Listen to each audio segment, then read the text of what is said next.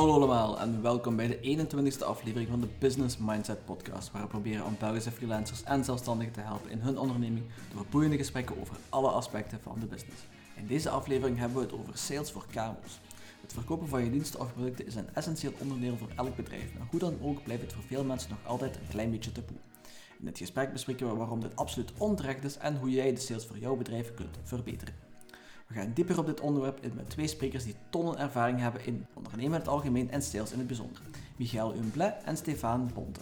Michael Humblet is misschien het meest bekend als de auteur van het boek Nobody Knows You, waarmee hij twee grote problemen probeert op te lossen. Hoe je je bedrijf kan schalen en hoe je B2B content op grote schaal kan produceren. Het boek is geschreven op basis van 25 jaar ervaring in internationale sales, met rollen zoals VP of Sales, Head of Global Sales en Chief Revenue Officer. Naast consulting in de salesstrategie heeft Michael het bedrijf Geomatic opgericht, dat zich specialiseert in het produceren van B2B content voor zowel kleine startups als grote bedrijven. Daarnaast is Michael ook de host van de Sales Acceleration Show, een verwend keynote speaker op events en produceert hij wekelijks boeiende video's op YouTube met onmiddellijk inzetbaar advies over sales. Stefan Bond studeerde criminologie en bedrijfseconomie aan de UGent en werkte vervolgens verschillende jaren als freelancer voor verschillende bedrijven zoals Mobley en Tomorrowland. Hij begon zijn carrière als ondernemer in 2017 met de oprichting van EBBC, een netwerkclub voor ondernemers die hij begon in België en ondertussen in meer dan 10 landen actief is. In 2020 was Stefan een van de co-founders van Rubicon, een exclusieve community waar zelfbewuste ondernemers samen groeien dankzij vertrouwelijke klankbordsessies en een atypische community events. Voor meer informatie over zowel mijzelf als alle gasten kun je altijd terecht in de description van deze episode. Daar vind je opnieuw een korte bio als ook de links naar de social media accounts waar je hen kan bereiken. Dat was het laatste van mij. Hope you enjoy the episode.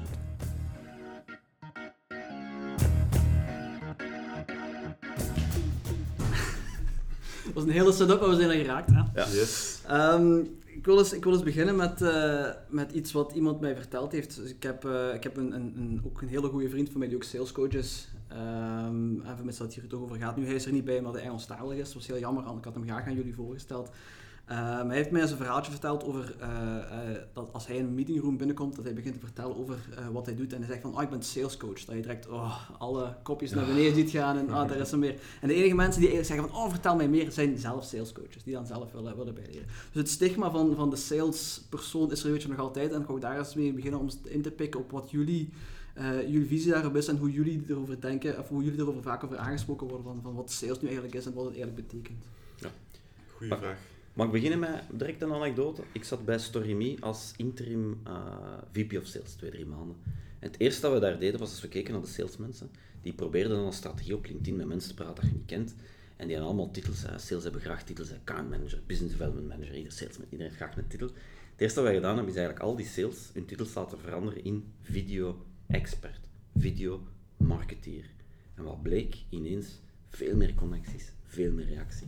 Dus sowieso hangt er een enorm stigma om. Ik geloof in not selling is een nieuw sales. Ik geloof in vooral niet zeggen dat je een sales bent, tenzij dat je natuurlijk sales verkoopt. Dat is een andere discussie. Ja. Helemaal akkoord. Um, ik merk het woord sales heeft een gigantisch negatieve bijklank. Ik heb dat zelf ook persoonlijk ervaren. Ik, kom uit, uh, ik heb ben afgestudeerd als criminoloog. Ja. Dus ik had eigenlijk niets met businessleven tot als ik er ben ingevald. Ik weet niet wat er gebeurd is. Er is ergens iets misgegaan. Maar alles wat dat sales was, dat klonk vies de mensen die in sales zaten, konden eigenlijk niet snappen waarom dat die s'avonds konden slapen. Want sales was voor mij overtuigend, beïnvloedend, manipulatief, slijmerig. En blijkbaar een heel goed boek daarvoor is uh, To Sell is Human uh, by Daniel Pink, kan je ja. misschien, uh, Michael. Um, waarin ze ook een enquête hadden gedaan bij een duizendtal Amerikanen waar iedereen de stofzuigerverkoper was aan, het, was aan het beschrijven. De autoverkoper die een auto verkoopt zonder motor in de, de motorkap. Street. Uh, exact, ja. exact. Ja. En dat beeld, jaren 60, 70, zo outdated, maar is nog zo actueel ja. bij gigantisch veel mensen. En elke keer zie je opnieuw datzelfde stereotype beeld komen. En je ziet ook, als je gaat kijken naar zo de, de gurus, de sales gurus, Grant Cardone om er een op te noemen, die van de Wolf of Wall Street, de originele, is ook zo een dat zijn ook zo'n types. Die spelen daar ook in. Die zijn zo te glad, te smooth. Ja, je voelt gewoon dat dat... dat, dat en, en, en de realiteit van sales, en ik ken er nu heel veel, is gewoon zo niet. Want als je zo bent, dan doe je veel minder business. Tenzij dat je verkoopt aan sales. Exact. Dus dat is de vraag, wat is uw business? Wat wil je eigenlijk, wat wil je eigenlijk weten van ons? Hè? zeg het gewoon. ja, ik denk dat het een beetje afhangt van wie dat je voor je hebt inderdaad. Die Grant Cardone, dat is ook iemand die bij ons in de, in, in de groep, eh, ik heb een, een, een, groep waar ik in zit met niet alleen salesmensen, maar eh, heel veel ondernemers. En Grant Cardone is ook al een aantal keer naar boven gekomen als het prototype van, nou, ja, niet, niet, niet, echt uh, de persoon die, die, die je zou willen uh, nadoen, om het zo te zeggen. Dus... Um, nu, er is ook wel iets verschil in cultuur. Als je gaat kijken naar de Amerikaanse salescultuur, dat is gewoon veel agressiever. In Engeland hebben dat ook een beetje, typische anglo-saxische toestanden hebben. Ga je gaan naar Europa, hoe, hoe, hoe, hoe, hoger dat je gaat in Europa, Denemarken en dergelijke, en, en Zweden en Finland en zo, is dat allemaal veel anders, veel rustiger. En, en, en normaal dat je naar beneden gaat, wordt dat terug kleurrijker en terug wat En, en, dus het is ook een beetje cultureel. Wij Belgen, wij zijn ook echt specialist in gewoon uh, gewoon eigenlijk, alleen, van de grootste frustraties trouwens van de meeste sales is dat de meeste Belgen zeggen, aha, ja, ja, we gaan dat doen, stuur eens een offerte. Mhm. En dat is eigenlijk gewoon karma nee zeggen. En wij zijn daar ongelooflijk goed in. Een Nederlander die gaat echt straight in your face. Dus heel veel start-ups dat ik begeleid, ga ik zeggen, probeer niet keer te verkopen eerst in Nederland. Je gaat het direct weten. Twee, je gaat onmiddellijk feedback krijgen. Een Belg geeft je geen feedback. Die belt gewoon niet meer terug of die is onbereikbaar.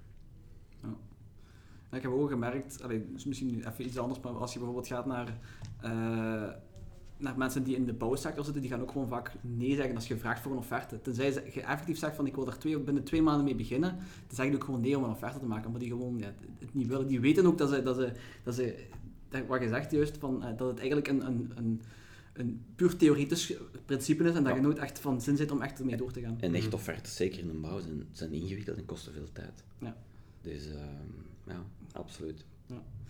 Het, is, uh, het, is, het is speciaal. Nu, uh, heb ik de indruk, en ik weet niet of dat, of dat voor jullie, uh, of jullie daar ook akkoord mee zijn, ik heb de indruk dat sales veel minder persoonlijk is geworden, omdat omdat je met heel veel big data zit. Hè. Je kan heel veel analyses doen, mensen opzoeken op, op LinkedIn, op Facebook, noem maar op. En je kan er heel veel over te weten komen. En dat het gewoon uh, ja, dat het meer analytisch worden van de persoon of van het bedrijf en niet echt connectie maken met de persoon die voor jou zit. Dus ik weet niet... Ik kan niet helemaal akkoord. Ik, ik denk juist dat, dat het, als je gaat kijken naar de trends, hè, als we dan moeten praten over sales trends in 2022, 2023, waar gaat het naartoe? Het is heel veel terug naar personal brand van sales. Hè. Wie is de mens? En je verkoopt aan een mens in een andere firma. En wat ga je gaan zien, dat is een hele rare... Ik heb er nog nooit over gesproken, dat is de eerste keer dat ik doe, maar dat is eigenlijk iets heel interessants dat mij is opgevallen, is als je gaat kijken, zo vijf, zes, zeven jaar geleden, dan zat jij thuis te werken, en je werkte in een corporate, en je zat thuis, en je had een iPhone, een iPod, en al het materiaal gekocht in een Mac, ik weet ik veel wat. Alles wat je kocht, was tien keer krachtiger dan wat dat gaat liggen. Krachtiger, beter, mooier, sneller dan wat gaat liggen in, op de bureau. En, en dat begon zo in elkaar te lopen. En wat begin ik te zien bij sales? De groei die beginnen heel veel personal brand uit te spelen. En die zijn softwares aan het gebruiken om hun eigen personal brand te pushen en te doen. Die leren automatisatie, die zijn wat marketeer aan het worden. En ik zie dat die zeer succesvol zijn, maar de firma's die zijn niet mee. Die denken, oh wow, wow wat ze er allemaal aan doen, GDPR en noem maar op en al die dingen. Terwijl dat GDPR eigenlijk nog geen issue is daar. En ik, ik, ik zie het succes, de, de, de mannen of vrouwen die zeer goed zijn, zijn eigenlijk degenen die naar daar beginnen gaan. En dat is een trend dat je nog niet veel ziet bovenkomen. Maar bijvoorbeeld, ik moet volgende week een keynote doen. En de grote vraag was, Michael, hoe gaan wij om met personal brands? Wat doen wij met die salesmensen die eigenlijk precies te veel macht aan het krijgen zijn? Mhm. Typisch corporate, we moeten ons beschermen, we gaan er structuur op steken, we gaan elk stapje nakijken. Ja, en je weet, een sales fundamenteel is chaotisch. En sociaal, die wil babbelen, dus dat werkt niet. Zeker. En we zitten weer vast. Hè? Maar is dat ook niet... Want dat is een beetje... Dus eh, om uw vraag eigenlijk te beantwoorden, hè, want dat was de vraag, is eigenlijk... Ik geloof eigenlijk dat personal brands en gezichten en, en de persoonlijke relatie belangrijker gaan worden dan voorheen, maar de technieken om de meeting te krijgen, that's another ballgame. En daar gaat in winnen, die twee kunnen spelen. Ze zeggen dat marketing is dealing in attention en sales is dealing in trust. En de beste trust, dat is... kan hem eens aanraken, hij zegt. het gaat allemaal rond vertrouwen in sales. Ik denk dat de tools, zoals Michael ook aanhaalt, de tools zijn er om meer mensen te gaan bereiken op, op efficiëntere en effectievere manieren. Maar ik geloof heel sterk in zo snel mogelijk een, een hyperpersoonlijke touchpoint te hebben met iemand, met een mogelijke prospect om dat woord te gaan gebruiken. Want het gaat om vertrouwen, dat nu B2B is, B2C, het, is, human to human. Dat is een open deur intrappen natuurlijk. Maar vertrouwen is, is alles. Uh, en een klant wil zich begrepen voelen. die gaan zich niet begrepen voelen door een website, een offerte, maar wel door iemand menselijk die samen met hem het probleem gaat gaan blootleggen. Het stoemste voorbeeld. Hè. Wij, firma X, zegt wij zijn anders, wij hebben een persoonlijke aanpak. En wat zie je dan op hun website? Stuurt maar een mailtje info at. Alle communicatie gaat over info at. Ze doen een presentatie. Ik word er zot van. Ik zeg dan, ik stop die mannen gewoon. Ik zeg, wacht. En moesten dan nu zeggen, Jan at of dat werkt veel beter. Walk your talk. En ik denk dat dat ook wel... Ik vind dat een hele belangrijke. Want in alles wat ik doe, ook doe, komt die walk your talk moet altijd terugkomen.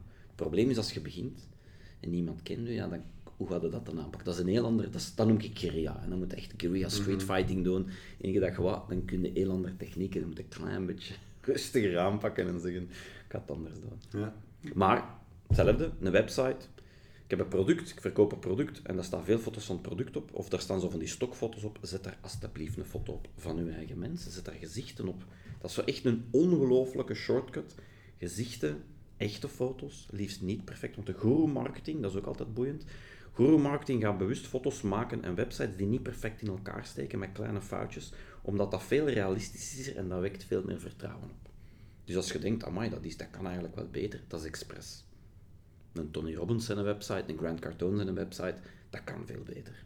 Dat is bewust zo. Mm Het maakt een menselijke. He's one of us. Ja, he's one of us. Maar ik denk het niet. Vanuit zijn jet zal hem dat wel eens denken. We gaan ze iets laten geloven. Hè. Ja, dat zou ik ook niet denken als ik, als ik Grant Cardone zijn, zijn heel images en weet ik wat, zou ook niet zeggen dat hij dat iemand van ons is. Dat, nee, uh, dat, nee maar ik, snap al zo de spreidstand. Enerzijds wil je iets uitstalen dat onbereikbaar lijkt en daardoor motiveerd wordt. En anderzijds wil je ook zien van ik kan daar ook geraken, dus je moet er ergens wel een beetje afdalen en dan... Die spanning vind ik heel interessant. De Grant Cardone, zijn er nog een paar, moet ze het wel geven om op dat niveau te geraken met zoveel followers en dergelijke. Hij kan wel, hij heeft zijn doelpubliek gevonden, exact. Hè. Mhm. Ehm, en, en dan er even vanaf, als je gaat kijken bijvoorbeeld in België, heb je de Karel van der Velde, heel veel respect voor zijn show, alles wat hem doet. We kunnen zijn content wat debatteren, maar die heeft echt zijn doelpubliek en zijn winkel draait goed. Dus ik heb daar heel veel respect voor, sales technisch. Op een andere manier denk ik soms, ja, ja je speelt er wel volledig op in natuurlijk. Mm ja. ja, dat is een beetje, uh, ja, opnieuw een beetje irrelevant, maar de, de, de, Facebooks en de Twitters en, weet ik veel wat doen dat ook allemaal. Gewoon inspelen en nu de content geven die je, die je vraagt en ja. dan daarop eigenlijk... Uh... En wat werkt heel goed, hè, je hebt nu toch pas die whistleblower gehad op Facebook die zegt, ah, en eigenlijk is dat hetzelfde. Als je heel polariserend kan zijn, dan ga je heel veel reactie krijgen. Maar als gevolg dat die social channels u omhoog gaan duwen. Omdat er heel veel reacties, ook negatief. Mhm. En eigenlijk is dan een techniek, als je snel wilt shortcutten, ik moet hier iets heel polariserend gaan zeggen, maar heel weinig mensen beseffen, als je dat doet, wat dat er op je afkomt. Die golf dat op je afkomt, dat, dat wil je niet altijd. Hè. Dat is mhm. niet altijd goed ook. Daar moet je mee, mee om kunnen, maar... Ik, ik heb het eens voor gehad, hè. Ik, ik post zo'n cover van, ik, ik had een boek geschreven, en om... Ik, ik wist als ik die niet... Nee, ik had die nog niet geschreven. Ik wist als ik dat niet aankondig, en, en mijn eigen in een hoek zet, schrijf ik die nooit. Je weet hoe dat gaat, je hebt een deadline. Dus ik had zo de titel en ik heb een witte en een zwarte cover gepost op LinkedIn. Ik zeg, man, help, ik zit vast. Kies. Omdat ik wist, zo kondig ik het aan. Twee, er gaat wat interactie. Op het moment dat ik dat post, vier uur later, ontploft Black Lives Matter in Amerika. Wist ik veel. Dus, er komt de reactie op. En ineens begint daar één Amerikaanse madame. Zegt die, how dare you let us choose between black and white, Michael. En ineens ontploft dat, maar echt iedereen begint daarop deze geen. En nu dat we toch bezig zijn, Michael, het is altijd dubbel kop, het is nooit een vrouw, een gender equality. En, en, ik zit daarop te kijken en ik dacht, oh my god. En ik heb dan zo heel braaf proberen zoiets neutraal te typen, zo van, man, dat is eigenlijk allemaal de bedoeling niet. Ik vraag je gewoon, het is een, een fucking boek eigenlijk, hè. Die denkt deze geen, I'm sorry I offended you. En dan begonnen ze daar allemaal over te zeggen en heb ik gedacht, op, laat me lopen wereldwijd trending in boek geworden. Daardoor. ja, that's how you get the attention. That's how you get the attention, ja. ja. Maar ik vind, het wel een interessant punt dat je aanhaalt van polariseren. Ik geloof wel dat goede marketing en goede sales, die moet een beetje gaan polariseren. een beetje, Als je een boodschap de wereld instuurt en iedereen zegt van, ja, oké, dan is niemand daar super fan van. Uh, een goede metafoor vind ik het, het ijscream. Ik, ik ben een gigantische ijscream fan, maar vanille-ijscream, iedereen zegt van, ja, ça va, we lusten dat wel ik ga er niet te veel voor betalen, want het is maar vanille-ijscream. Maar dan heb je de pistache-ijscream. Ik weet niet of jullie pistache-fans zijn, maar driekwart van de mensen zegt pistache, no way. Verschrikkelijk, slechtste ijscreamsoort ooit. Maar je dan een kwart, ik ben nu random percentage het plakken, een kwart van de bevolking die zegt van I'm a diehard pistachio lover. Ik drie keer zoveel voor een balk pistache-ijscream. Dan heb ik een heel goed voorbeeld, het is heel simplistisch. Maar als je iets bouwt dat de meeste mensen vrijstuk vinden, en de grote kans dat je een kleine groep van superfans hebt, die heel erg verbonden zijn met je product. Maar, dat zeggen ze als je echt wilt schalen in een business, the richness is in the niches. Ja. Je moet eigenlijk je niche zoeken. En, en dat kan zijn, meestal zeg ik, als je dan toch in communicatie gaat denken, is zet het woord van je niche in je titel of in je communicatie, dat dat super duidelijk is dat dat voor mij is of voor de dienst. En zie wat dat er gebeurt. En, en van daaruit gaat het dan beginnen groeien. En dan voerde je adjacent markten, noemen ze dat, gelijkaardige markten en, en dergelijke. Maar de meeste mensen, als ik echt vraag wat is je doelpubliek of, of wat is je niche, they have no clue. En ik vind dat ook niet erg. Ik zeg, dan gaan we het uitzoeken. Hè. En je kunt dat heel eenvoudig door vijf, zes postjes te doen, die elk een andere topic ongeveer doen, met die mensen in, en je gaat direct zien wat er gebeurt. Mhm. Ik heb graag testen, proberen, in plaats van erover te praten. Je heel veel mensen die erover... Ik zit heel veel van die raden van bestuur en raden van advies, dan kan ik zo van die boze dingen zeggen, zo van, het is tof dat we erover bezig zijn, maar uh, beste marketeer, wanneer gaat het doen? Zot word ik ervan, hè. Het is wel leuk dat we, dat we marketing nu even aanhalen, omdat uh, ik vraag me soms af, wat is het verschil tussen sales en marketing? Omdat uh, de indruk die ik heb, en verbeter me als ik fout ben, sales is meer voor B2B. Hè? Als, je, als je met echt iemand bezig bent die wil je een groot contract kan afsluiten, wil je een onderhandeling hebt van een paar weken of een paar maanden. Terwijl B2C, hè, je hebt niet die tijd om die lange gesprekken te voeren. En dat is eerder marketing. En ik weet niet, is dat, is dat juist of, of hebben jullie daar een ander, een ander beeld over? Ik vind dat uh, dat wordt heel vaak uit elkaar ook sales en marketing. Voor mij is dat echt wel een, een kluwen, een combinatie die gewoon samen, samen hoort. Marketing gaat een stuk van de sales doen. De goede salespersoon is ook een stuk het marketingkanaal of, of wandelend billboard van, van het bedrijf. Um, en ik merk ook, en ik weet niet hoe jij daarnaar kijkt, Michael, ben wel geïnteresseerd in jouw visie, dat dat meer en meer ook in elkaar begint over te, ja. te lopen. De, de snelst groeiende firma's op dit moment, dat is echt waar dat een volledige blend gemaakt wordt. Ze noemen dat dan het groeiteam en dergelijke. Wat mij opvalt is, als je naar, grote, naar, naar grotere firma's gaat, dan heb je echt twee aparte departementen marketing vindt dingen uit. Ik zat ook vroeger in een heel grote firma en dan werden wij kwaad op marketing, want we hadden een slide techno, dit en dat. En eigenlijk, als ik nu grotere firma zelf, dan zeg ik, oké, maar dan luister heel goed. Uw salesmensen, die zitten bij uw klanten en uw prospecten. Van s morgens tot s avonds. Als marketeer ga je aan die mannen vragen, of vrouwen, maakt niet uit, wat is de input? En je gaat alles veranderen. Maar je hebt heel veel politics en. Nu, zo terug naar B2B en B2C gaan. B2C is heel emotion-driven ik kan nu een beslissing maken. Ik wil ook nu een beslissing maken. Mijn kot staat in brand. Of, of ik wist niet dat mijn kot in brand staat. Hij steekt in brand en ik denk, ik moet dat hebben. Zo heb ik een auto gekocht. Ik ben nooit een garage binnengestapt en dacht, als ik dat wel doen. En die gast was ongelooflijk. Die bekeek mij en die zei gewoon, hier is een sleutel. Echt, hè? Ik zeg, ja, maar hier is een sleutel. Teken dat papiertje voor de waarborg, hè? Hij staat daar, have fun. Ik ben teruggekomen en ik heb hem gekocht om te zeggen hoe emotioneel dat En ik geef daar dan les in en toch heb ik hem gekocht. Hè? Uh, dat is gênant genoeg. Um, ehm, B2B heb je iets anders. B2B heb je dus terug naar marketing en B2C. Dus wat gaat B2C doen? Die gaan heel veel inspelen op, op die emotie, of die gaan heel veel vertrouwen proberen te krijgen. Kijk gewoon eender welke reclame van tandpasta of van gezichtscrème. Dokters hebben gezegd, mm -hmm. certifieerstempel, al die techniekjes, die je gast als zijn keukens verkoopt, die uh, muilen, die heeft nu ook certificatie, een grote gouden stempel met een dingetje. Als mensen dat zien, die worden zot, die denken, dan moet het wel goed zijn. Ja? Staat in de dag allemaal, dan heb ik altijd gelijk. B2B heb iets anders. B2B heb de hiërarchie. Dus ik heb een baas, ik moet een bedrag laten goedkeuren. Eh, je moet een beetje oppassen, want als je iets verkeerd beslist, kan een positie in gevaar komen. Dus die emotie wordt er eigenlijk voor een groot stuk uitgehaald. Je hebt wel fans, maar dat wordt er uitgehaald. En je moet zeer rationele argumenten gaan geven. Dus een marketing naar B2B is meer gericht op expertise, meer ratio, gelaagd. Hè? Want de, de CEO wil iets anders horen dan iemand dat op, in fabriek werkt, zeg maar iets in de operation staat. Dus je gaat gelaagd gaan werken en je gaat eigenlijk veel langere tijd erover doen en iets minder salesrig dan een B2C. Ik heb daar een boek over geschreven met Nobody Knows You, wat eigenlijk belangrijk gaat over hoe kun je een, een, een gelaagd contentmodel bouwen. Iedereen gaat denken ik moet praten over, over mijn klanten of ik moet praten over wat mijn product doe. Ik zeg stop, je kijkt naar je markt en je hebt altijd drie beslissingsniveaus. Je hebt een executive, waar praat je over? Die kijkt naar binnen een jaar, binnen twee jaar, waar moet het naartoe gaan?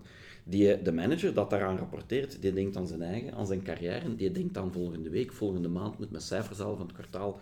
Die daaronder staat, de operations, die denkt aan I have shit today, los het op. Mhm. Dus wat ga je gaan doen? Je moet eigenlijk content maken op die drie niveaus, gelijktijdig. Je kunt dat gelijktijdig. En eigenlijk moet je drie verschillende mensen die content laten verspreiden naar die publieken. En dat klinkt nu ingewikkeld, maar dat is super gemakkelijk. En wat ga je gaan zien? Dat krijg je geheel.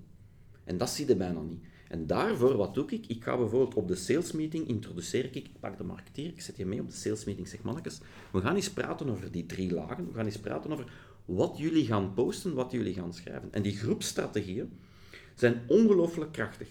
Maar je moet eens raden in welke klant dat je dat nog niet veel ziet. In België. Je ziet dat heel veel, je begint dat zien in Engeland.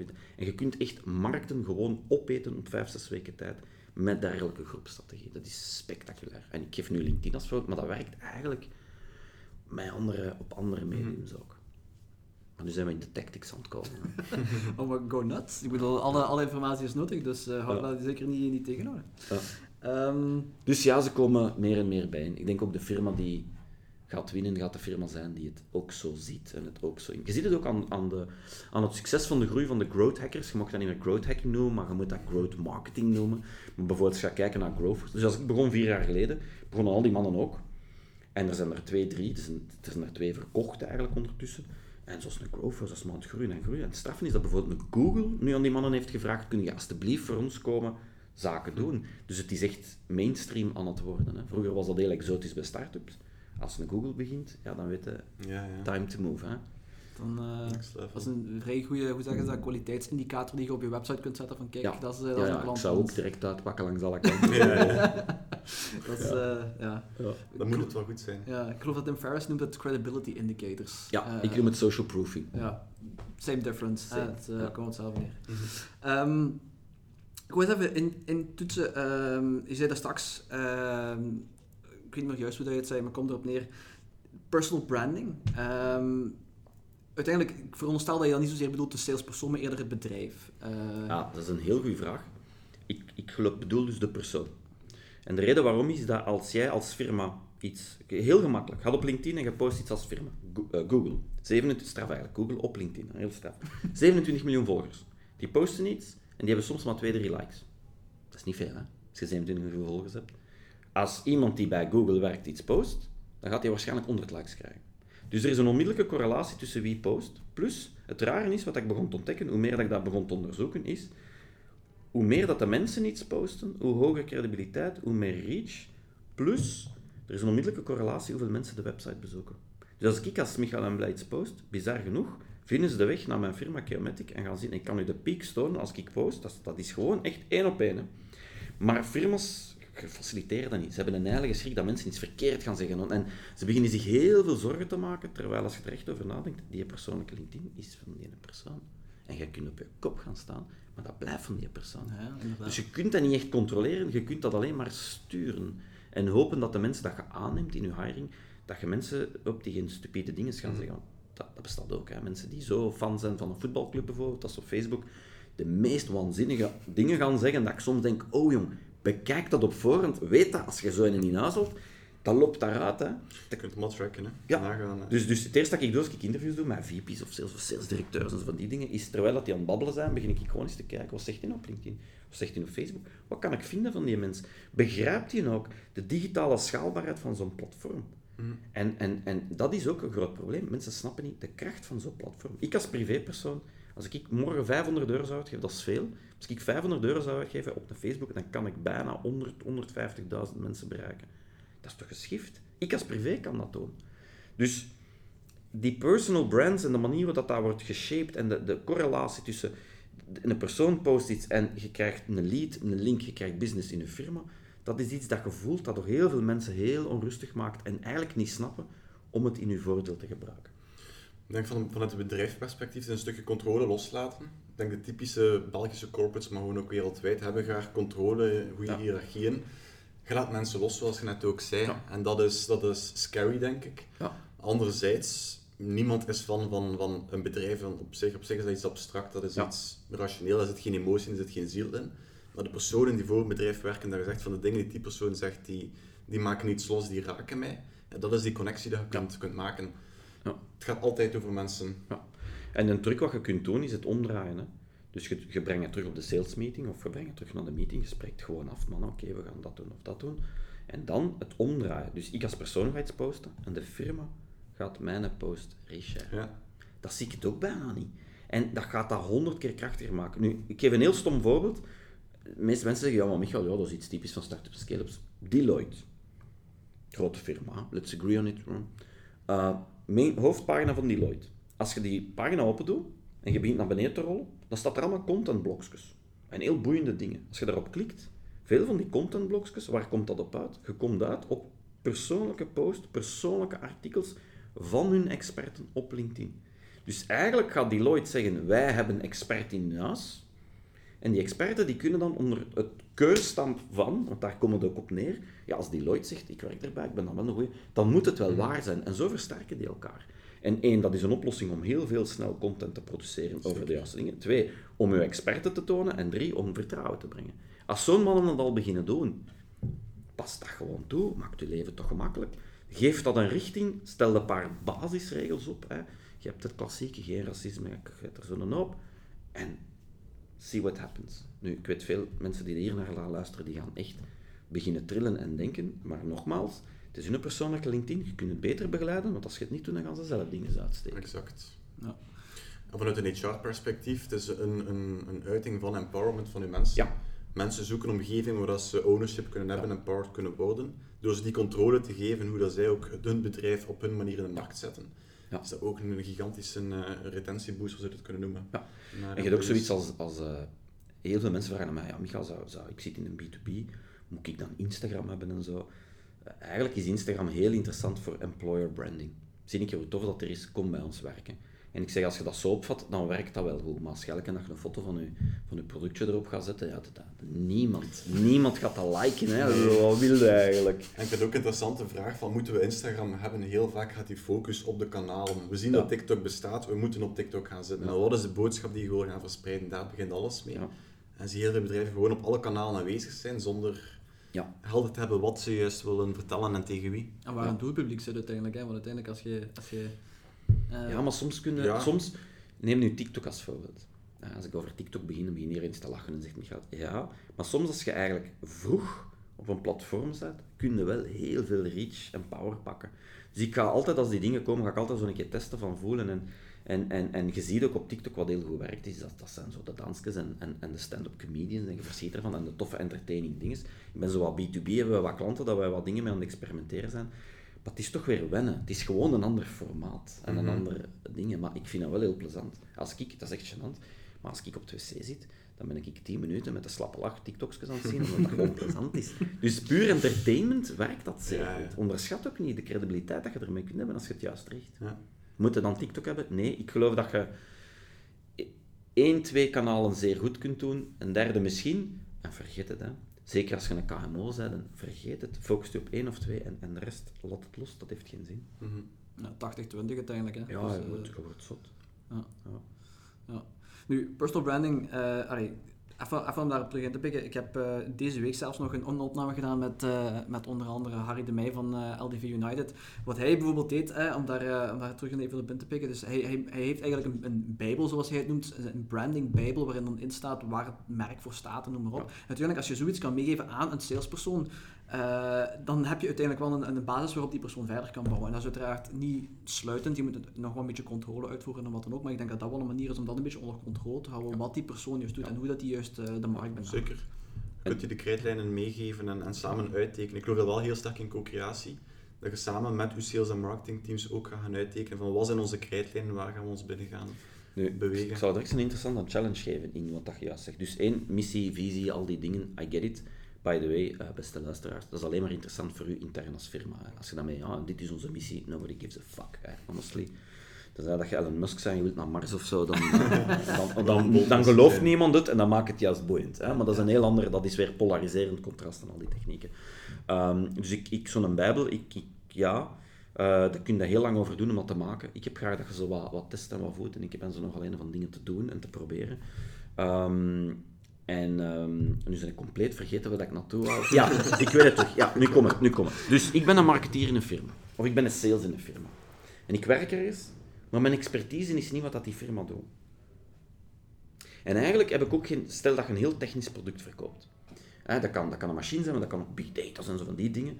Maar eigenlijk ken je daar niks van in de diepte. Maar je kunt dat wel uitleggen, maar in de diepte ken je er niks van. De vraag is, Hoe gaat u dan uw eigen personal brand opbouwen? Gaat u dan een personal brand opbouwen in functie van die firma over iets dat je eigenlijk niet te goed weet en je voelt je daar niet comfortabel mee, maar als je dat je toch nooit niet gaat posten en gaat doen?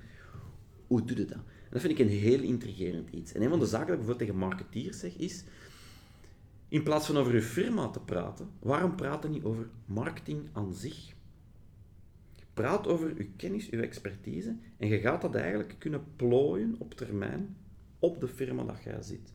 En dat vind ik een heel intrigerend. Dat is voor mij eigenlijk waar dat krijtlijn, waar dat op termijn naartoe moet gaan, is hoe gaat je dat gaan opbouwen en hoe, hoe, hoe oké is het om over compleet andere dingen te praten en toch nog business te kunnen doen voor een firma. dat zijn interessante dilemma's die meer en meer gaan komen. Ik zie, daar heb ik nog nooit over nagedacht. Ik zie het. Nee, nee, nee. nee. Dat, zijn, dat, zijn, dat zijn dingen waar ik, eh, waar ik niet zo heel veel mee bezig ben. Nu, ik, ben ik ben persoonlijk in een, uh, ik zal niet zeggen uitzonderlijke, maar in, een, mijn rol is consultant. Dus in die zin ben ik niet zo heel vaak met sales bezig. Uh, dus vandaar dat dat misschien nog niet uh, tot bij mij doorgedrongen is. Um, ja. Nu, even om daarop terug te komen. Veel mensen zeggen ook van, uh, zeker de, de, kleinere freelancers en de kleinere kamers, die zeggen van, kijk, ik kan geen sales, ik ben, ik ben niet goed in sales en die gaan dan zich sneller wenden tot bijvoorbeeld een freelancer of iemand die op, die op commissie eens een keertje komt, komt hun, de sales voor hun doen eigenlijk. Maar uiteindelijk, allee, hoe, hoe, kijken jullie daar tegenover? Is het zo dat je zegt van, kijk, uiteindelijk ten eerste, iedereen is een salespersoon. Ik denk dat uh, zo is en dat mensen het vaak niet beseffen. Langs de andere kant is dat iets wat jullie uh, een goed idee vinden om de sales door te geven aan iemand die freelance is of iemand die op commissie gaat, maar daar hangen uiteraard risico's bij. Mm, complexe vraag. Ik denk dat alles afhangt van, van type bedrijfssituatie, fase waarin je zit. Um, ik zeg vaak nog een extreem statement van iedereen is een verkoper. Niemand denkt dat hij een verkoper is, maar iedereen is het. Altijd in het leven is, is verkopen. Als jij ons op deze podcast wou, waard gaan verkopen als ik bij mijn vriendin wil gaan samenwonen, wat ik net heb gedaan, dan ben ik mezelf aan het verkopen om daar te mogen intrekken. Alles is, is verkopen. Is ze nog steeds gelukkig? Uh... ik denk het. Uh... Ja. Dan kijken kunnen doen om te Deze ochtend was alles nog oké. Okay, Deze dus, ochtend was alles nog oké. Ja. het, komt, uh, het komt goed. Ja. Maar dus alles wat we doen is verkopen. En toch zijn er zoveel mensen opnieuw de outdated beeld, de stofzuigerverkoper, die echt zeggen van ja, dat is sales en dat ben ik niet en dat wil ik niet zijn. En ik denk als je founder bent, co-founder van een, een jonge start-up en je bent zelf het gezicht van het bedrijf en dan zegt je ik ben geen verkoper, ik geef mijn sales aan de freelancer en niks tegen freelancers, ik heb het ook lang gedaan, die mijn sales gaat doen, dan zijn er voor mij een fout aan het maken. Want zeker in die eerste dagen, die eerste maanden, die eerste jaren, wilt je die feedback van die markt gaan capteren. Als je dan alles losstaat en in je eigen cocon verder gaat gaan ontwikkelen of gaan bouwen, dan mist je heel veel waardevolle inzicht. Ik denk dat dat een valk is dat heel veel ondernemers instappen. Ik, ik vind sales is, is, een van de, de twee, drie grote pilaren. Maar het is niet omdat ik zelf sales consultancy doe, maar ik meen dat gewoon. Hè. Sales is heel belangrijk. Twee, als freelancers vooral. Um, en als je je eigen firma hebt, al zij dat alleen, kun jij het het best uitleggen wat dat je doet. het probleem is, waarom vinden ze sales vies? Omdat er heel veel sociale interactie bij is. En je moet opvolgen, dat is heel ambetant en dat zit niet in hun systeem. Dus wat ik graag doe bij dergelijke mensen, is zeggen, maar je moet zijn wie dat je bent. Deelt je expertise, maakt eigenlijk een soort marketingmachientje van je kennis. En, en je gaat eigenlijk je sales oplossen omdat de mensen met u gaan willen werken en je gaat gewoon moeten een standaard offerte kunnen sturen. Alsjeblieft, dat is Zo lost dat op. Maar je moet dat wel onder controle krijgen. Mhm. Want hoe kun je dat in godsnaam outsourcen als je zelf niet weet wat de value propositie is en dergelijke. Dus typisch start-up zeg ik, doe de eerste 10 deals zelf. Typisch bij freelancers zeg ik, bouw een beetje een marketingmachine met je kennis. Hè. Deel je kennis en ga zien dat mensen zelf op je afkomen en gaan zeggen, ik wil, uh, ik wil dat jij... En dan is het gewoon natuurlijk zeggen, ah, het is zoveel of het is zoveel. Nu, als ik een firma ben en ik wil echt freelance sales innemen, het groot probleem, wacht, ik kan het anders zeggen. In sommige omgevingen kan dat heel goed werken. Als je relatief eenvoudige producten hebt, stel dat je microfoons wilt verkopen of telefoons of dingen, dat gaat perfect. Maar op het moment dat je wat complexere producten moet verkopen, met services bij, wordt dat zeer moeilijk. Het tweede probleem dat je gaat hebben met freelancers, is dat freelancers meestal voor verschillende firma's tegelijk werken. En dan krijg je zo'n effecten dat je ergens zit en dan een kerel, en in de tijd dan gaf hij zijn businesskaartje. En dan zei hij zo na, op het einde van het gesprek, hey, zeg, by the way, uh, als je nog kroketten moet hebben... Ik Allee, en, dat die, en dan gaf hij nog een kaartje. En ik snapte, en dan zei by the way, hey, uw product is cool. En dan kreeg ik drie kaartjes van een kerel, en ik snap dat niet. En dat is very confusing. Mensen snappen dat niet. Doet dat niet. Dus freelance sales kan ongelooflijk goed werken als je ze rijk kunt maken. Als jij als freelancer bij mij komt en ik zeg tegen u, ik ga zorgen dat je echt een fortuin verdient en ik ga belachelijk hoge marges geven, dan ga je alleen maar voor mij willen werken en gaan. Nu zie ik allemaal denken, shit, uh, Michael, uh, ja maar dan geef ik al mijn marge weg. Ja, het is wat dat je wilt. Dus als je gaat kijken naar de softwarewereld, of, of stel dat je product verkoopt, je gaat het grootste geld verdienen op de maintenance. Geeft geen, geeft geen marge op de maintenance, geeft veel marge op het product, houdt er een beetje van over, maar zet volledig in op de maintenance. En dat is wat in de money machine gaat zitten. Als jij duizend machines, ik overdrijf misschien 100 machines verkoopt, ja, het jaar daarna zit je puur cash cow zijn. Dus je moet daar goed over nadenken. Freelancer, ja, maar en alleen als je zorgt dat de commissies groot genoeg kunnen zijn. En beste vrienden, 50 euro is geen commissie. Hè. Dat zeg ik ook veel. Ja, Micha, dat krijgt dan wel 55 euro. Echt? Denk ik niet. Nee.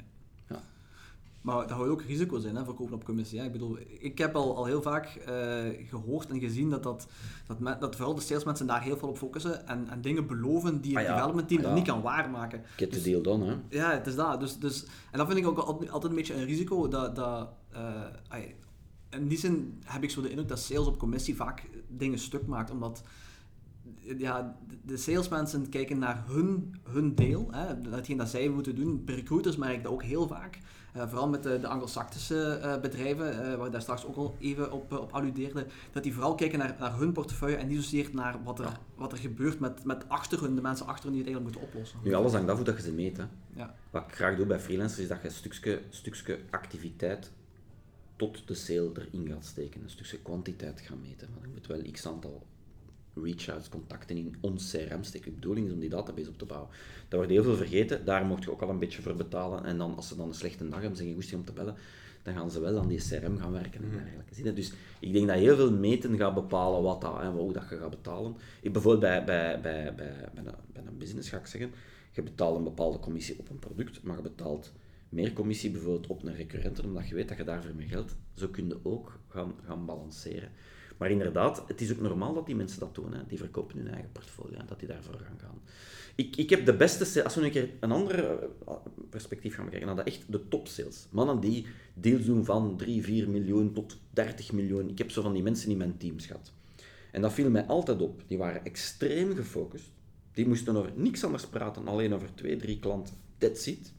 Tweede, die begonnen alle resources dat ze konden vastkrijgen, dat was echt belachelijk om te zien, die begonnen die op te slorpen. Maar als gevolg, als je zo'n gast zet in een te klein firma of een firma met weinig structuur, die maken die firma gewoon kapot. Hè? Want iedereen begint te werken voor die sales. Dus je moet heel goed weten, als je zo van die figuren binnenhaalt, dat is de nature of things, dat is wat dat die gaan doen. En die gaan ook die een deal halen, maar alles is kapot rond hun. Maar je gaat wel een deal hebben die belachelijk is. Dus meestal zeg ik, neem niet, als je een aanneemt, neem alsjeblieft niet zo één aan. Zorg dat je nog andere dingen doet, want je gaat het kapot maken. Hè. En dat is, dat is waarvoor dat je die betaalt. Dus zie een beetje waar en wanneer dat je zo'n figuur in huis haalt. Ja. Je komt er ook niet veel tegen. Hè. Ik kan u zeggen, in België, ik ben het laatste jaar misschien twee tegengekomen dat ik echt dacht van, die gaat het doen. En al de rest is... Dat is een heel rare attitude dat die mannen hebben. Ah, mannen ik heb ook al zo vrouwen tegengekomen. Eerlijk gezegd, ik vind de meeste vrouwen beter dan mannen in sales, by the way. Die hebben, zijn iets meer empathisch. En dat, dat, dat werkt nu eenmaal goed. Ja. Ik zie hier iedereen denken, shit, gevaarlijk onderwerp. We moeten het hebben over genderneutraliteit. Uh. ik kan over sales sowieso veel te weinig associëren met vrouwen. Natuurlijk. Als je vraagt van stel een salespersoon voor, gezien een man voor u. Ja, ja ik, zeg, ik heb hier ook al de hele tijd mannen gezegd, terwijl dat voor mij, allee, dus het maakt niet uit eigenlijk. Nee. nee. eigenlijk niet. Maar het is inderdaad wel zo dat, dat over het algemeen... Ik heb nog zeer weinig salesvrouwen eigenlijk effectief gezien in de bedrijven waar, ik, waar ik gewoon ben. Dus ik... heb eens een post gedaan op LinkedIn gevraagd wie zijn nu de top salesvrouwen in België? En daar is ongelooflijk veel reactie op gehad. En zelfs van die reacties van, van, van vrouwen die zeggen zo, mag ik mezelf nomineren? En zo van die toestanden. dat ik dacht, hmm, I like it, hè. De, de piet zit er wel in, hè. Ja. Ja. Oké, dat, is, uh, grappig om te weten. Want ja, ik dus dan een challenge uh, voor jou is een keer uh, een podcast doen met twee vrouwen hier. Hè? Ja, ja. Dat is, ik moet eerlijk zeggen, dat is, dat is mij inderdaad nog nooit gelukt. Twee vrouwen naast elkaar. Jawel, dat is wel. Naast elkaar? Ja, jawel, jawel, jawel, We hebben één, we hebben één aflevering gedaan speciaal over ondernemen voor vrouwen. Dus ja, daar zaten twee vrouwen aan. Maar dat vind ik dan ook weer fout eigenlijk. Want je doet geen podcast speciaal ondernemen voor mannen. Dus ik vind dat je dat, dat balans wel deftig moet vinden. Hè. Ja. Ik, denk, ik denk niet dat dat, dat, dat het probleem gaat zijn. nee, um, ik wil eens even terugkomen op wat je juist zei, de, de, de, de persoonlijkheid. Je zei vrouwen zijn zachter qua persoonlijkheid. Um, die vriend waar ik in... in nee, nee, ik heb empathischer gezegd. Ah, want zachter, dat is niet altijd waar. empathischer, juist, correct. Uh, dus die vriend waar ik in het begin over sprak, wat hij doet, is hij gebruikt eigenlijk een bepaalde techniek die heet DISC. Ik weet niet of je, of je het kent ja. toevallig. Uh, kan jij het ook? Dat is een solution selling techniek. Inderdaad. Um, dus wat hij, hij heeft het eens helemaal uitgelegd aan mij, waarin, waarin eigenlijk uitlegt van kijk, afhankelijk van wie de persoon is die tegenover jou zit, gebruik je eigenlijk een andere methode of een andere techniek om de gegevens over te brengen. Bijvoorbeeld een, een C-type die conscientious is, dus heel taakgericht enerzijds en heel in, in, intern in zelf ingenomen. Die ga je heel veel uh, proberen te overtuigen met statistieken, met cijfers, met gegevens, met certificaten, noem maar op. Terwijl iemand die meer uh, in, is influence, als ik me niet vergis, uh, dat is meer outgoing en, en, en emotiegericht. Ik weet niet in welke mate dat jullie, als je bijvoorbeeld met iemand zit, waar je een salesgesprek doet, in welke mate probeer je die persoon te leren kennen om... om, om... Daar moet je 200% voor gaan, vind ik alles, elke persoon heeft een basisbehoefte. We hebben allemaal heel veel behoeftes. Eten en slapen is er één van. Maar een van onze basisbehoeftes is begrepen worden. Iedereen wil begrepen worden door de omgeving, de mensen met wie we interageren. En als jij als, verkoper of salespersoon er niet in slaagt om de tegenpartij te gaan begrijpen, dan gaat nooit een vertrouwensband gaan, uh, gaan creëren. Uh, ik denk dat Diske een heel goede tool is om ergens een structuur te hebben om een andere persoon te gaan begrijpen en te zien, ah, als iemand die zo redeneert, dus dan kan ik dit op gaan inspelen. Maar ik probeer altijd een beetje de modelletjes naast mij neer te leggen. En echt van persoon tot persoon, wat is die persoon, waar, zit die echt, waar ligt die echt van wakker s'nachts, waar kan ik die echt gaan helpen? En tonen dat je begrijpt wat de situatie is dat die persoon in zit. Maar dan, moet je, dan ben je op de noden aan het inspelen van de persoon. Dat is 100% correct. Je moet, je moet het probleem aan, aanpakken en, en proberen de persoon te helpen waar zijn pijnpunt is. Maar dan nog heb je een verschil met hoe je de boodschap overbrengt. Zeker, je hebt de persoon zijn pijnpunt, maar je hebt ook de manier waarop die persoon in het leven staat, hoe dat hij communiceert en hoe dat hij graag communiceert en, en samenwerkt. Dat is even belangrijk om ook heel helder te krijgen. Ja.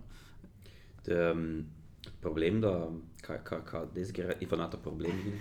Wij trainen de meeste sales en zeggen, kijk, hier is de PowerPoint, of hier is het boekje, of hier is mhm. het verhaal. En wat doen die mannen of vrouwen? Die dagen op, ja, moet oppassen, die dagen op en die ratelen hun verhaal af. En die worden dan beloond door hun baas of hun manager, door te zeggen, maar je hebt dat goed gedaan.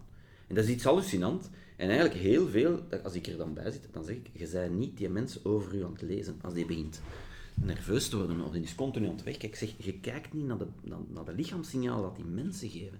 Dus als je de eerste keer in je leven een speech moet doen, dan kijkt ook niet echt in het publiek, want je denkt, kan niet zien, kan gewoon afrapen.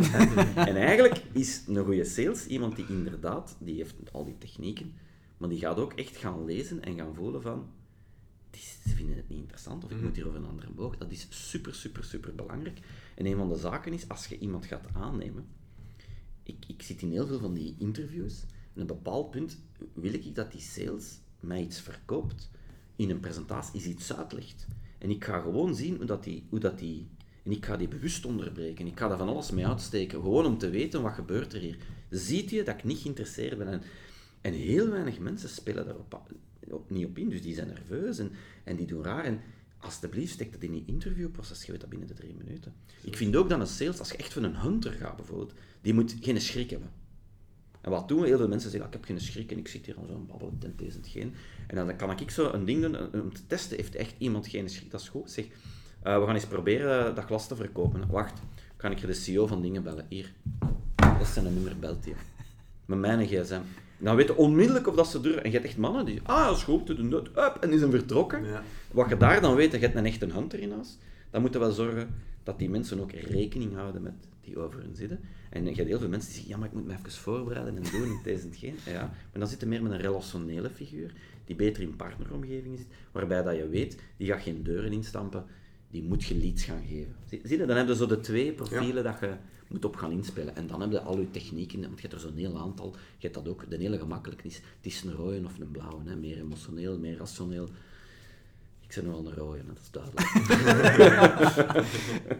ja, maar voor mij is dat hetzelfde. als, je mij, als je mij kan overtuigen, maar kijk, dat zijn de stats en dat zijn uh, bepaald door die of die review daar of weet ik veel, dan, dan binnen twee minuten kan je bij mij iets closen, maar ik moet, ik, moet het, ik moet weten dat het goed is. Ik moet dat, dat social proof hebben wat je, wat je juist aangeeft. Terwijl andere mensen, dat is meer de emotie en dit en dat. de manier waarop je het benadert kan, kan heel belangrijk zijn. Dus uh, vandaar dat ik... Uh... En ook, je gaat je altijd opnieuw moeten bewijzen. Um, ik, ik verschiet daar soms van. Ik heb dan een YouTube, ik heb dan een boek geschreven, al die dingen. En dan soms kan ik binnenkomen ergens en dan denk ik van, ja, ze gaan me wel kennen of zo. Of, of ze hebben wel iets gezien. En dan echt zo ja, wie zit je waarom zeg je dat hier? Ja, ik moet daar ook, ja, dat is gewoon elke dag opnieuw En je moet daar tegen kunnen, dus ik noem dat de lake of rejection. En je moet daar tegen kunnen en je moet daarmee omgaan. En je Mhm. moet soms gewoon slikken en voortdoen.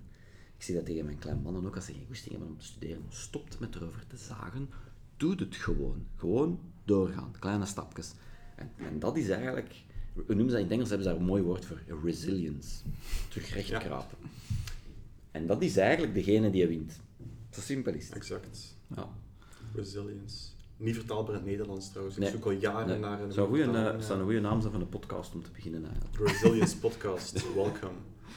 Ja, eh kun je je afvragen hoeveel mensen dat, eh, dat, dat woord effectief kennen in België. Dat is, eh, Dat is- kunnen eh, eh. Dat is de niche. Dat is de Dat is- nieuwe movement die Dat is, ja, nu, ik heb al een klein niche met ondernemers. Ik denk dat de resilient mensen die dat kunnen schrijven en typen, dat dat, dat het nog een kleinere niche is. Misschien is dat niet het beste, het beste doelpubliek.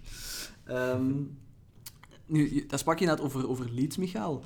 Ehm, waar, waar, waar moeten de mensen hun, hun leads gaan zoeken? Eh, LinkedIn is uiteraard een heel mooi tool hè, met, de, met de analytics en zo, die we daar straks al even vermeld hebben. Langs de andere kant, B2C, eh, worden heel vaak leads gekocht hè, Ja, van, van, van die partijen. Ja. Wat het ook maakt dat die minder betrouwbaar zijn. Dus, Ja. dus wat was zo de, de, de juiste manier om aan... Ik, ik geloof dat je echt een mix moet maken. Hè. Het is niet meer alleen maar een link. Allee, één, B2B en B2C zijn twee verschillende werelden. Mhm. hè. B2C is inderdaad meer ads, meer marketing, meer, meer emotie. Eh, ik geloof dat je eigenlijk een... een, een, ehm, een ehm, ik ben wanneer een tekening aan het maken, maar, maar ik bedoel, ik ben zo'n pie chart aan het tekenen. Dat wil eigenlijk zeggen, een stuk LinkedIn. Ja, een stuk LinkedIn. Je hebt ook een stuk waarbij dat je eigenlijk content gaat verspreiden. Eh, dat kan gaan van quizzes, typisch B2C, tot in, in eh, whitepapers, de mini-guides, de boekjes, de canvas. Je hebt er een hele reeks in. Je hebt dan de webinarjes, de, eh, de eventjes. Ik vind ook altijd dat iemand moet... Als, jij, als, jij, als iemand je uitnodigt om op het podium te staan, en daar zit 50 man, dat zijn duizend telefoons dat je niet moet doen. Dus een van de archetype dingen dat ik als KPI heb voor founders en freelancers is, geraakt op een podium één keer per maand. Hustle your way into stages, omdat je dat publiek kunt gebruiken. De reden dat jij gasten in een podcast hebt, is om zelf iets bij te leren, maar twee, je kunt ook onze reach en audience Ja, gebruiken. ja, tuurlijk, Snap je? tuurlijk. Dus, dus zoiets. En als laatste, ik heb altijd als laatste, dan heb nog een stukje cold emailing, dat werkt ook, database, maar dat moet je dan goed doen. Alsjeblieft, ik kan onmiddellijk zeggen hoe dat moet doen. Een goede cold email, beste vrienden, heeft drie à vier zinnen. Ja? Dus geen een boterham die begint met, hey Jan, wij kennen elkaar niet, maar ik ben Michael en Blij en ik werk... Ah, fuck? Doe dat toch niet? Je moet eigenlijk zo denken. Wat zouden sturen naar een vriend zonder te familiair te zijn? Dat moet je doen. Twee, drie zinnen met een link in. Waarom wil ik dat er een link in staat? Omdat je dan weet, één, ze doen hem open. Twee, ze klikken. Heel veel mensen willen anoniem dingen doen. Je moet echt inspelen op de anonimiteit. Oh, ik heb het gevoel dat ik eens kan kijken. Wij kijken allemaal graag. Hè? Vandaar het succes van de Facebooks en Insta. Wij kijken allemaal graag, maar we willen niet dat een ander het weet. Steek er een link in, dat ze eens kijken. Ik heb ooit eens een post gedaan rond ehm, gratis webinarreeks rond sales stond een link in. Ik had 16 likes en ik dacht echt... Mensen zien me niet meer graag, hè. Slecht idee, slecht idee, hè. En, eh, en ik was zo wat down. En ik dacht, ah, ik ga eens kijken naar de statistieken van die link. Dat was 280 keer op geklikt. Dan, dat- heeft mij toen doen nadenken over hoe kan ik dat anoniem daar terug in injecteren. En ik probeer dat heel veel te doen. En te, maar dat is moeilijk, hè. Omdat, maar dat moet je toch echt proberen in je business te krijgen. En dan als laatste hebben we cold calling. Puur cold calling, dat is een hele moeilijke. Dat werkt zeer goed met simpele producten. Of dat werkt heel goed als, je, als ik kan zeggen, hé, hey, de Jan heeft gezegd dat wij moeten babbelen. Dat noemen ze referral. Dat werkt altijd. Maar is dat dan een cold call? Dat is geen cold call. Nee, Ja, maar ja, je moet iemand bellen dat je niet kent en je hebt deze nummer zit. Het joh. kort, maar... Ja, maar echte cold call, dat is een hele moeilijke, want timing is belangrijk, hoe dat je dat aanpakt. Ik probeer dat eigenlijk als laatste te doen. Want, hoe moet je denken, als ik iemand wil bereiken, ze hebben daar heel veel wetenschappelijke studies over gedaan, ze noemen dat eigenlijk, om iemand te bereiken, ze noemen dat een sales cadence, een cadans. En je hebt vijf stappen nodig om iemand te bereiken. Ik zeg maar iets wat, je probeert op LinkedIn een connectie. Wat doet als die niet reageert? En dan probeer je dan nog eens, ja, die reageert niet. Dan moet ik van medium gaan switchen. Misschien is die gewoon niet actief op LinkedIn. Dus wat ga ik doen? Ik ga dan proberen die een mail te sturen. Geen reactie. Na een week stuur ik terug een mail. Nog geen reactie. Dan ga ik hem bellen. Vijf stappen. Zie je? Als die op LinkedIn wel reageert, ja, dan kun je shortcut. Nooit closen op social selling. Nooit closen. Geclosed de koffie of het gesprek. But not the deal. Etcetera. En dus je maakt eigenlijk letterlijk... Ik, ik heb dat soms echt op muren, dat ik gewoon een tekening begin te maken. Oké, stel LinkedIn is nu slecht. We pakken nu dat als voorbeeld. Wat ga je dan aan die mensen sturen dat je niet kent? Je zet daar een berichtje bij. Je doet dat twintig keer. Geen reactie, ander berichtje. En zo ga ik een hele muur vol schrijven met allemaal stappen. In één keer na een dikke week of twee heb je dat. Dat is uw blueprint. En dat kun je dan iemand aannemen en zegt, dat is wat je moet doen. En dat moet automatiseren. En dat is hoe dat je cold, hoe dat je outreach moet aanpakken voor mij. En dat is zelf duwen, hè, dat is je gen, zelf duwen. Aan de andere kant heb je natuurlijk, ja, je gaat content produceren. En daar heb ik dan, een boek gaat eigenlijk over iets heel simpel. Als je over je product spreekt, alleen maar over je product of je dienst spreekt, gaat een 2% hitratio hebben. Omdat 2% van de mensen in kot staat in brand. Dus als ik dan aankom met een brandblusser, dan ga je hem kopen, want je moet. Maar als je die 98% wil bereiken, moet het anders zijn. Dus je gaat eigenlijk twee soorten content beginnen maken. Eén, iets inspirerend. Terug gelaagd, hè. ik ben een CEO, wat wil jij? Ik ga je eens uitleggen wat zijn de strategie Wat heb ik geleerd de laatste tien jaar van ja, Dat ga je lezen. Moet niet zeggen, wat heb ik geleerd? Nee, ik heb 30 interviews gedaan. Hier zijn de vijf beste tips. Dat, dat doet open als je in die industrie zit. Inspirerend. En wat denkt iedereen? En dan maakte ik altijd een fout en ik dacht, ze zijn geïnteresseerd. Ik bel voor mijn product. Dat werkt niet. Want iedereen, Gellen ook, Gellen zei van, hmm, ik ben slim. Ik kan dat zelf. Dus we gaan gaan zoeken materiaal om het zelf te doen. Dus wat moet de grootste brok van je content zijn? Alles wat je online zegt, alles wat je post, alles wat je doet, is hier is advies om het zelf te doen. En weet je wat er gebeurt? Ze gaan nu bellen om te zeggen, ik wil dat zelf niet doen. Of ik kan dat niet. Doe dat eens voor mij. En dat is wat freelancers en consultants eigenlijk is, de goudmijn. En die snappen dat niet. Die ding moet dat beschermen. Het is toch niet als ik in een post vijf zinnetjes zet dat je het kunt? Het operationaliseren van die kennis is juist ervaring, is juist de shortcut. En je gaat een deel mensen hebben die nooit koopt. So what? Die worden nu ambassadeurs. Uw naam is top of mind. Ja, of, of dingen. Ja, maar mijn concurrenten gaan dat lezen. Ik doe dat dus, ik doe dat dus expres, dat mijn concurrenten dat lezen. Want ik, makes, ik moet beter zijn, ik moet sneller zijn, ik moet hongeriger zijn. Ja. Ik zat een aantal jaar geleden in een consultancybedrijf. En hadden een typische business model canvas. Ja, Bij ons, ik ga het bedrijf niet noemen. Canvassen werken, hè? De, de canvas van Board of Innovation gebruikten wij intern. Ja, ja, dat was onze grootste concurrent. Tuurlijk. Die waren top. Die waren makkelijk te downloaden. Die gasten, ik heb trouwens die gasten geholpen. Ja. Die hebben een bepaald punt, hebben die, ik weet dus niet meer hoe dat is, want dat is een jaar geleden, die hadden 4000 e-mails per maand ja, van mensen. Die een groot probleem was eigenlijk helemaal anders. Die een probleem was, hoe uit die 4000, hoe haal ik daar, en dat was bijna allemaal free tools, free downloads, hoe haal ik daar de juiste uit? Welke de kwalificatie van de lead was daar het probleem? Ik heb nog niet zoveel meegemaakt op dat volume. Dat was heel boeiend. Daar hebben we dan een techniek, value ladders en zo. Ik kan dat nu niet uitleggen. Dat moet dan ik op mijn YouTube intikken, value ladders en dit en dat. Hoe dat je dat kunt doen. Maar dat is puur en alleen bijna organisch opgebouwd met expertise te delen. Ja. Het is zelfs zo dat die een KPI hadden intern, waarbij dat als een consultant in een nieuwe business kwam en die leerde iets bij, dat die verplicht een canvas moesten maken. Very smart. Om die ervaring op te doen uiteindelijk, om dan... Uh... Want als ik op een podium sta en mensen nemen een foto, moet mij eens goed stilstaan. Als je ergens zelf een foto maakt van een webinar of een podium, ik kan bijna voorspellen wanneer ze een foto gaan maken. Dat is altijd als ik een model toon. 1, 2, 3. Hier zijn de vijf stappen. Top. Kijk, ik heb daar lang over nagedacht. Ik heb dat gedistilleerd. Hier zijn de twee. Iedereen maakt een foto. Omdat inspiratie, educatie. Ik kan het zelf. En wat doen ze met die foto? Ze sturen die meestal aan de collega. Hey, check deze. Hey, beste marketeer. Deze moeten we wel gaan doen. Speel er alsjeblieft op in. En als je slim bent, en dan komt de saleskant eraan, is elke slide dat ik zo heb, staat altijd niet mijn logo, because nobody gives a fuck, tenzij intern. Wat staat erop? michael.kinematic.com Action. Trigger dan zit je eigenlijk op een heel subtiele manier sales aan het doen. En ondertussen, dat is niet verkoop. Heel veel mensen hebben last van verkoop, want ja, ik ben dan een vuile verkoper. Dat is eigenlijk ook verkoop, maar ik voel me niet vuil, want ik geef waarde. En, en die value-based selling geloof ik heilig in. De mannen van Grover zijn altijd tegen mij, Michael, educate until they buy. En dat is de juiste zin. En zeker als, als, als consultant en freelancer heb je heel veel kennis, deel dat gewoon. Wat gaan ze doen? Ze gaan me bellen. Hoe meer dat ik op de markt smijt, hoe meer telefoons, dat is echt geschift, hè. hoe meer dat ik deel, en ik, volledige cursussen staan online, en dan vind ik dan nog straf dat mensen soms zeggen, hey Michael, komt dat eens hier uitleggen? Ik zeg, ja, maar dat zijn dezelfde slides. Ja, maar nee, maar gewoon Oké, dat is goed. Ik ben daar wel heel transparant om. Allee, pas op, ik heb er natuurlijk altijd wat panache bij en andere dingen, maar ah, ik kun niet alles online zetten. Dat is een heel grote drempel voor heel veel bedrijven en ondernemers. Van nee, dit, dit moeten we beschermen, dit hebben we hier ontwikkeld, hebben daar geld en energie in gestoken. Ik deel niks met de buitenwereld. Nee. En die drempel om daarover te gaan, een keer dat daarover zit. Ja. En is, als je naar de, de KMO's gaat kijken in België of zo, de, de, de kleinere KMO's, de kennis dat die mannen hebben, of vrouwen, is spectaculair groot.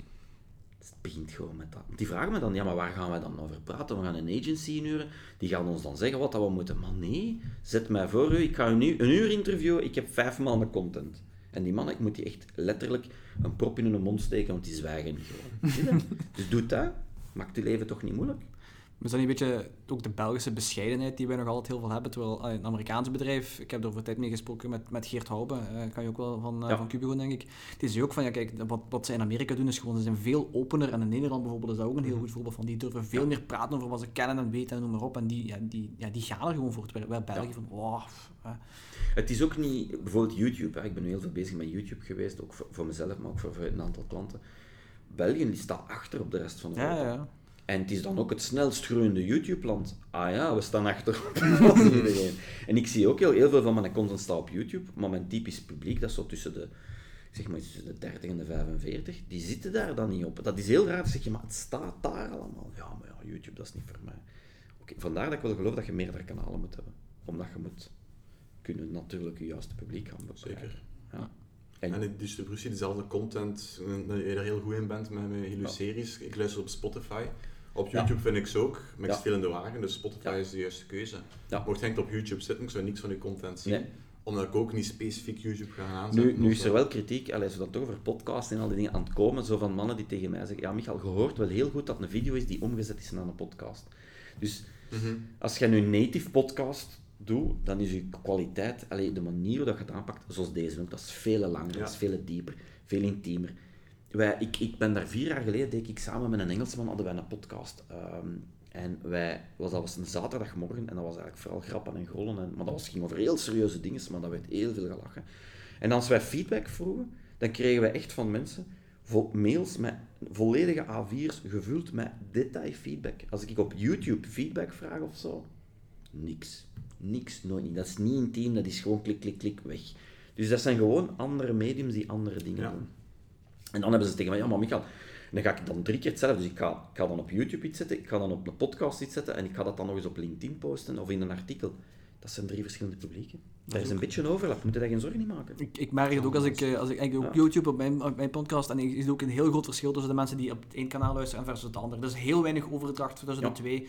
En uh, dat is zo'n manier waarop je graag die content wilt verwerken. En dat is, dat is heel opvallend eigenlijk, dat dat echt dat mensen zo in hun, in hun favoriet kanaal zitten en dan eigenlijk zelden of nooit echt buiten gaan. Ik heb het ook al, al gemerkt. Ja.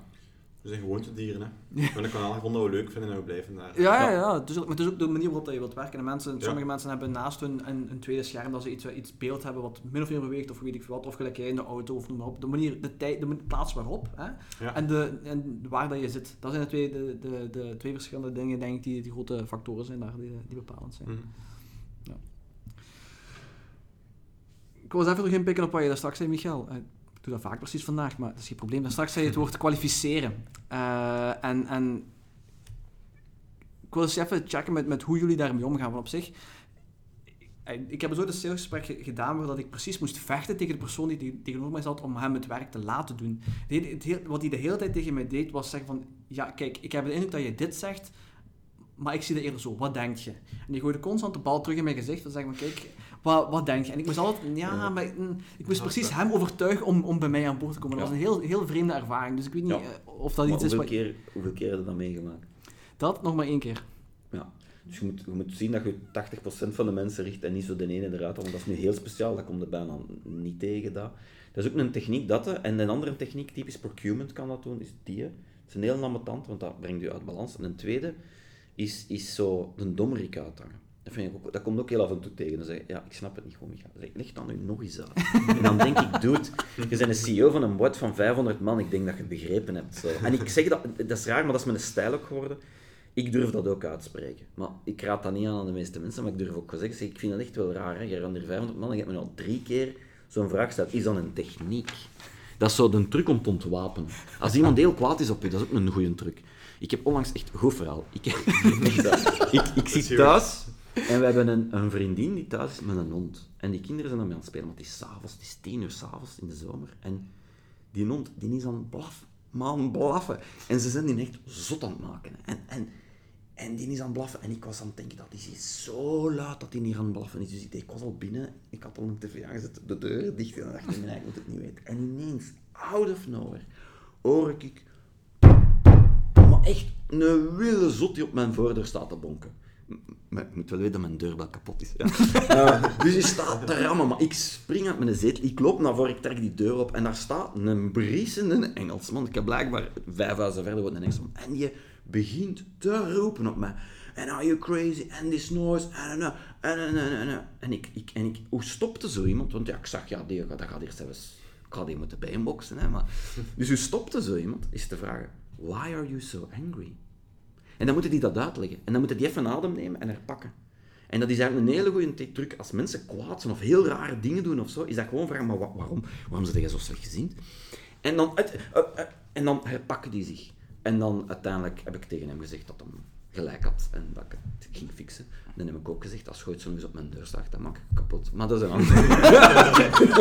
maar eerst moest Maar hij had wel gelijk.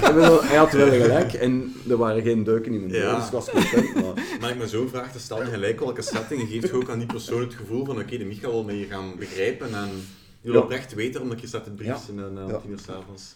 En dat was grappig, want ik zei, why are you singing? Dan zei hij van, ik heb zelfs niet geluisterd naar wat hij zei. En dan zei ik, I hear your English, I didn't know. En hij zat compleet, en die was compleet zijn slag kwijt. Zo. Ja.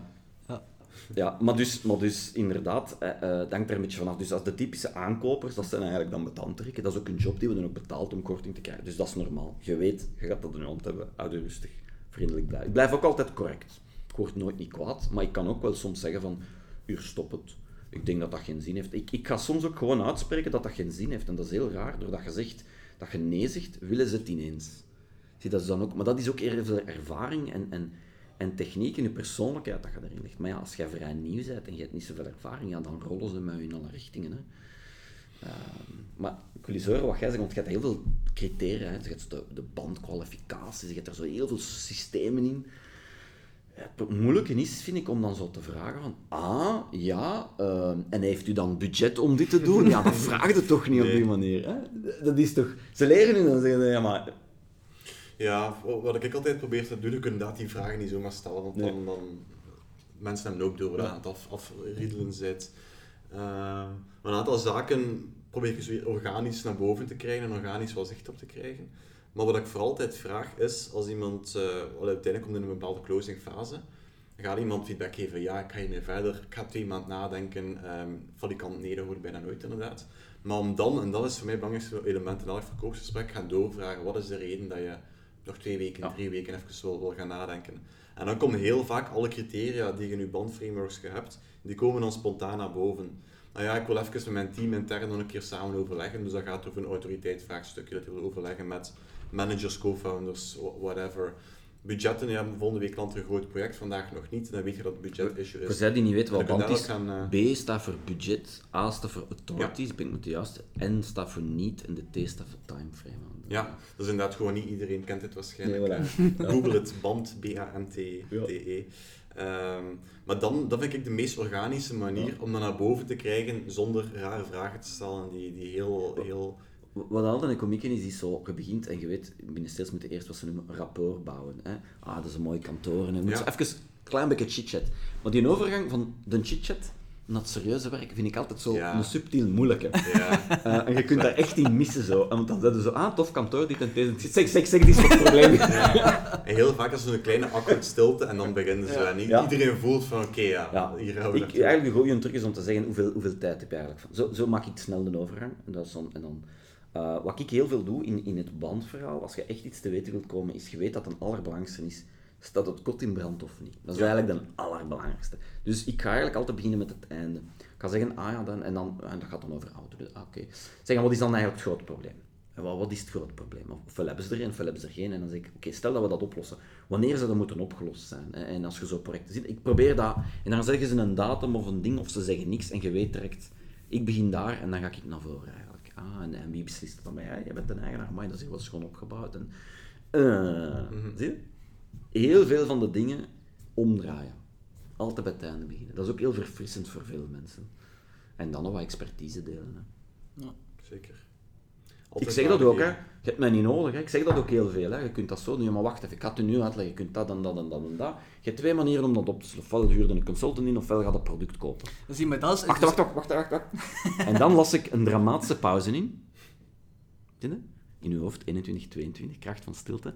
En dan zitten die mensen zo denken, wat zegt hij niet allemaal? Wacht even. en dan zeg ik, contrast. Dat gaat niet lukken, hè. En weet je waarom dat, dat niet gaat lukken? Omdat, en dan zeg ik alle reden waarom niet. En zo heb ik al mijn concurrenten uitgeschakeld. En dan ga ik zeggen, wat ik u voorstel is om het volgende te doen. Dat is een goeie, hè? Die pauze en dat contrast, dat werkt ook. Ja. Elke keer. Ja. Dat is wat ik juist zei van de kwalificeren. Dat is dus exact wat mijn maat ook deed. Van, inderdaad, van, uh, je kunt er zo en zo en zo en is toch opgelost. En dan, dan wacht hij inderdaad tot ik, ja, maar... Hè, dus zo, zo ging dat gesprek eigenlijk. Dus dat, het vervolg wat je, wat je net zei, dat deed hij dus niet. En dat is hm. misschien wel een heel leuk, heel leuk inzicht. Maar hij deed eigenlijk net hetzelfde. Zo van, uh, ja, maar als je dat en dat doet, is, is je probleem toch opgelost. Ja, maar... En dan moest ik opnieuw uitleggen van dat of zus of zo. Dus dat was ja. ongeveer hetzelfde eigenlijk. Ja. Dus, uh, we zijn allemaal mensen, hè. sowieso. Sowieso. En te glad werkt niet, te vlot werkt ook niet hoe natureller dat je kunt zijn, je eigen. En soms, heel veel, gaat het ook niet klikken met mensen.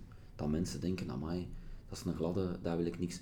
Dat is normaal, dat moet iemand anders. Je is eigenlijk altijd met twee, bijna ze eigenlijk altijd moeten iemand dat je kunt zeggen, ja, bij mij klikt dat niet. En dat is normaal, dat is menselijk gedrag. Je hebt ook zoiets als een gunfactor, hè. Als je vier mensen op rij dan zeg dat vind ik de tofste.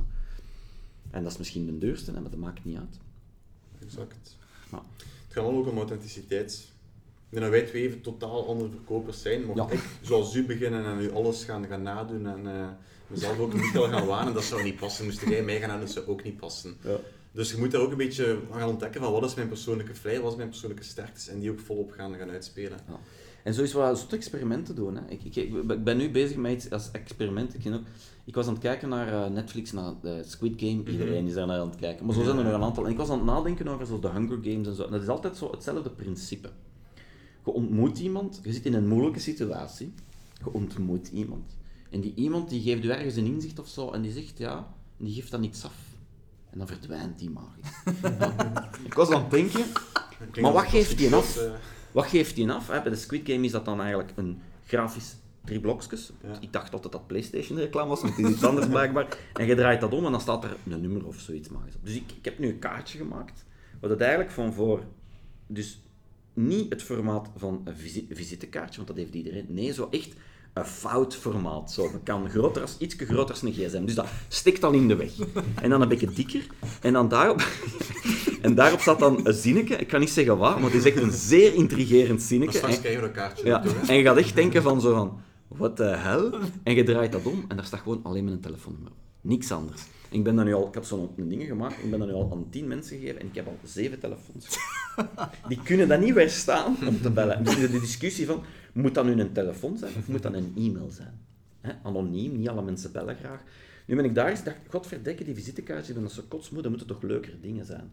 Maar dat wordt dan een ding op zijn eigen. Zie je? Maar dat is dan weer zo de creatief, vind dat plezant om zo van die dingen. Mhm. Dat is puur inspelen op van, kom maar een keer zien wat je kunt doen met emotie van mensen. Ja. Maar dan kun je, ah, dat is wel een, een, een, makkelijker misschien manier om, om de voet in de deur te krijgen, om dan nu gesprek te doen en dan erop. Ik denk wel dat een leuke, een leuke ding is wat we... Ja. Ook, ook, iets achterlaten. Ja. Mensen hebben graag iets tastbaar. Ja. Dus ik vind in je sales, wat dat je ook doet, mensen zijn visueel, heel visueel, en ze, ze, ze prullen graag aan iets. Dus speelt daarop in. Dus ik ga ze bijvoorbeeld iets geven in het begin, dat ze kunnen aan prullen of doen, of, of ja, dat werkt zeer goed. En dan moet echt tijd insteken om dat deftig te maken. Ja, het moet ook relevant zijn natuurlijk. Hè. Niet zomaar een... Uh... Maak, doe, doe een interview van je expertise in een uur, laat dat uitschrijven, dat zijn zes, zeven bladzijden, zet er een modelletje in, een tekeningsje, het laatste blad, twee keuzes, hè, dus je voorkant toffe titel, met je doelpubliek in, dat, dat, wat, wat, wat dingetjes dat ze denken dat ze het zelf kunnen. dat klinkt hier fout, man, je kunt het zelf, ik weet het. Maar, maar daar komt het wel op neer. En aan de achterkant twee keuzes. Keuze 1, kotst in brand. Ik kan u nu een oplossing geven. Hè. Praat met onze expert. Keuze 2, kotst dan nog niet in brand. Het is te vroeg. Leer nog iets bij. En dat wint. Zo winnen. En dat voelt ook niet aan als sales. Mm Uiteindelijk, ja, je geeft hen waarde en uiteindelijk bouwt je dus al bij die persoon. En je gaat nu nooit slecht voelen, want je doet niks mis. Je gaat nooit je vuile, vieze sales zijn, want je gaat waarde geven. En als ze dan tegen je zeggen, zeg, we moeten eens praten, dan denkt je, praat maar eens. ja. Hoe, uh, hoe los je het probleem van autoriteit op? Dat wil zeggen, ga je op voorhand zoeken naar de juiste persoon binnen het bedrijf om mee te praten? Of is dat iets wat je gaandeweg probeert die weg te banen naar de juiste persoon om... om... Ik denk dat het van een grote firma is. Hè?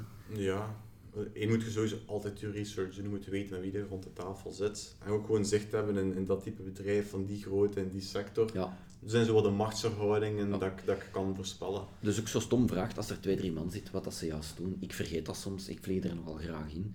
Ik heb het onlangs, allee, onlangs twee jaar geleden, onlangs, nog voor gehad, waarbij dat ik, het ging over een hele plan. En dan zei ik, ja, ehm, je moet zien, die oplossing, wat dat kan doen, is dan, ja, je gaat dan toch wel wat kunnen wat, wat mensen mee schuiven en doen, om niet te zeggen, hè, ontslagen, en dat. Zat die mens daar toevallig toch niet bij, die ontslagen moest worden. dus, ja, dus doe, doe mij een plezier. Research. De basics is, vraag even wie zit aan tafel en... en, en eh, je kunt geen... Het probleem is, je wilt shortcutten. Hè. Je hebt het al twintig keer gedaan, honderd keer gedaan, duizend keer gedaan en je denkt, kan dat hier voorspellen en je kunt dat ook voor een groot stuk, maar af en toe... Ik denk niet dat je het altijd in de hand hebt, een Ja. ding- Soms het is gaan er gewoon het dingen is geen mis. deal geworden. Ja. Maar dus, dus om uw vraag even concreter, eh, hiërarchie, eh, dus hoe groter de firma, hoe meer hiërarchie.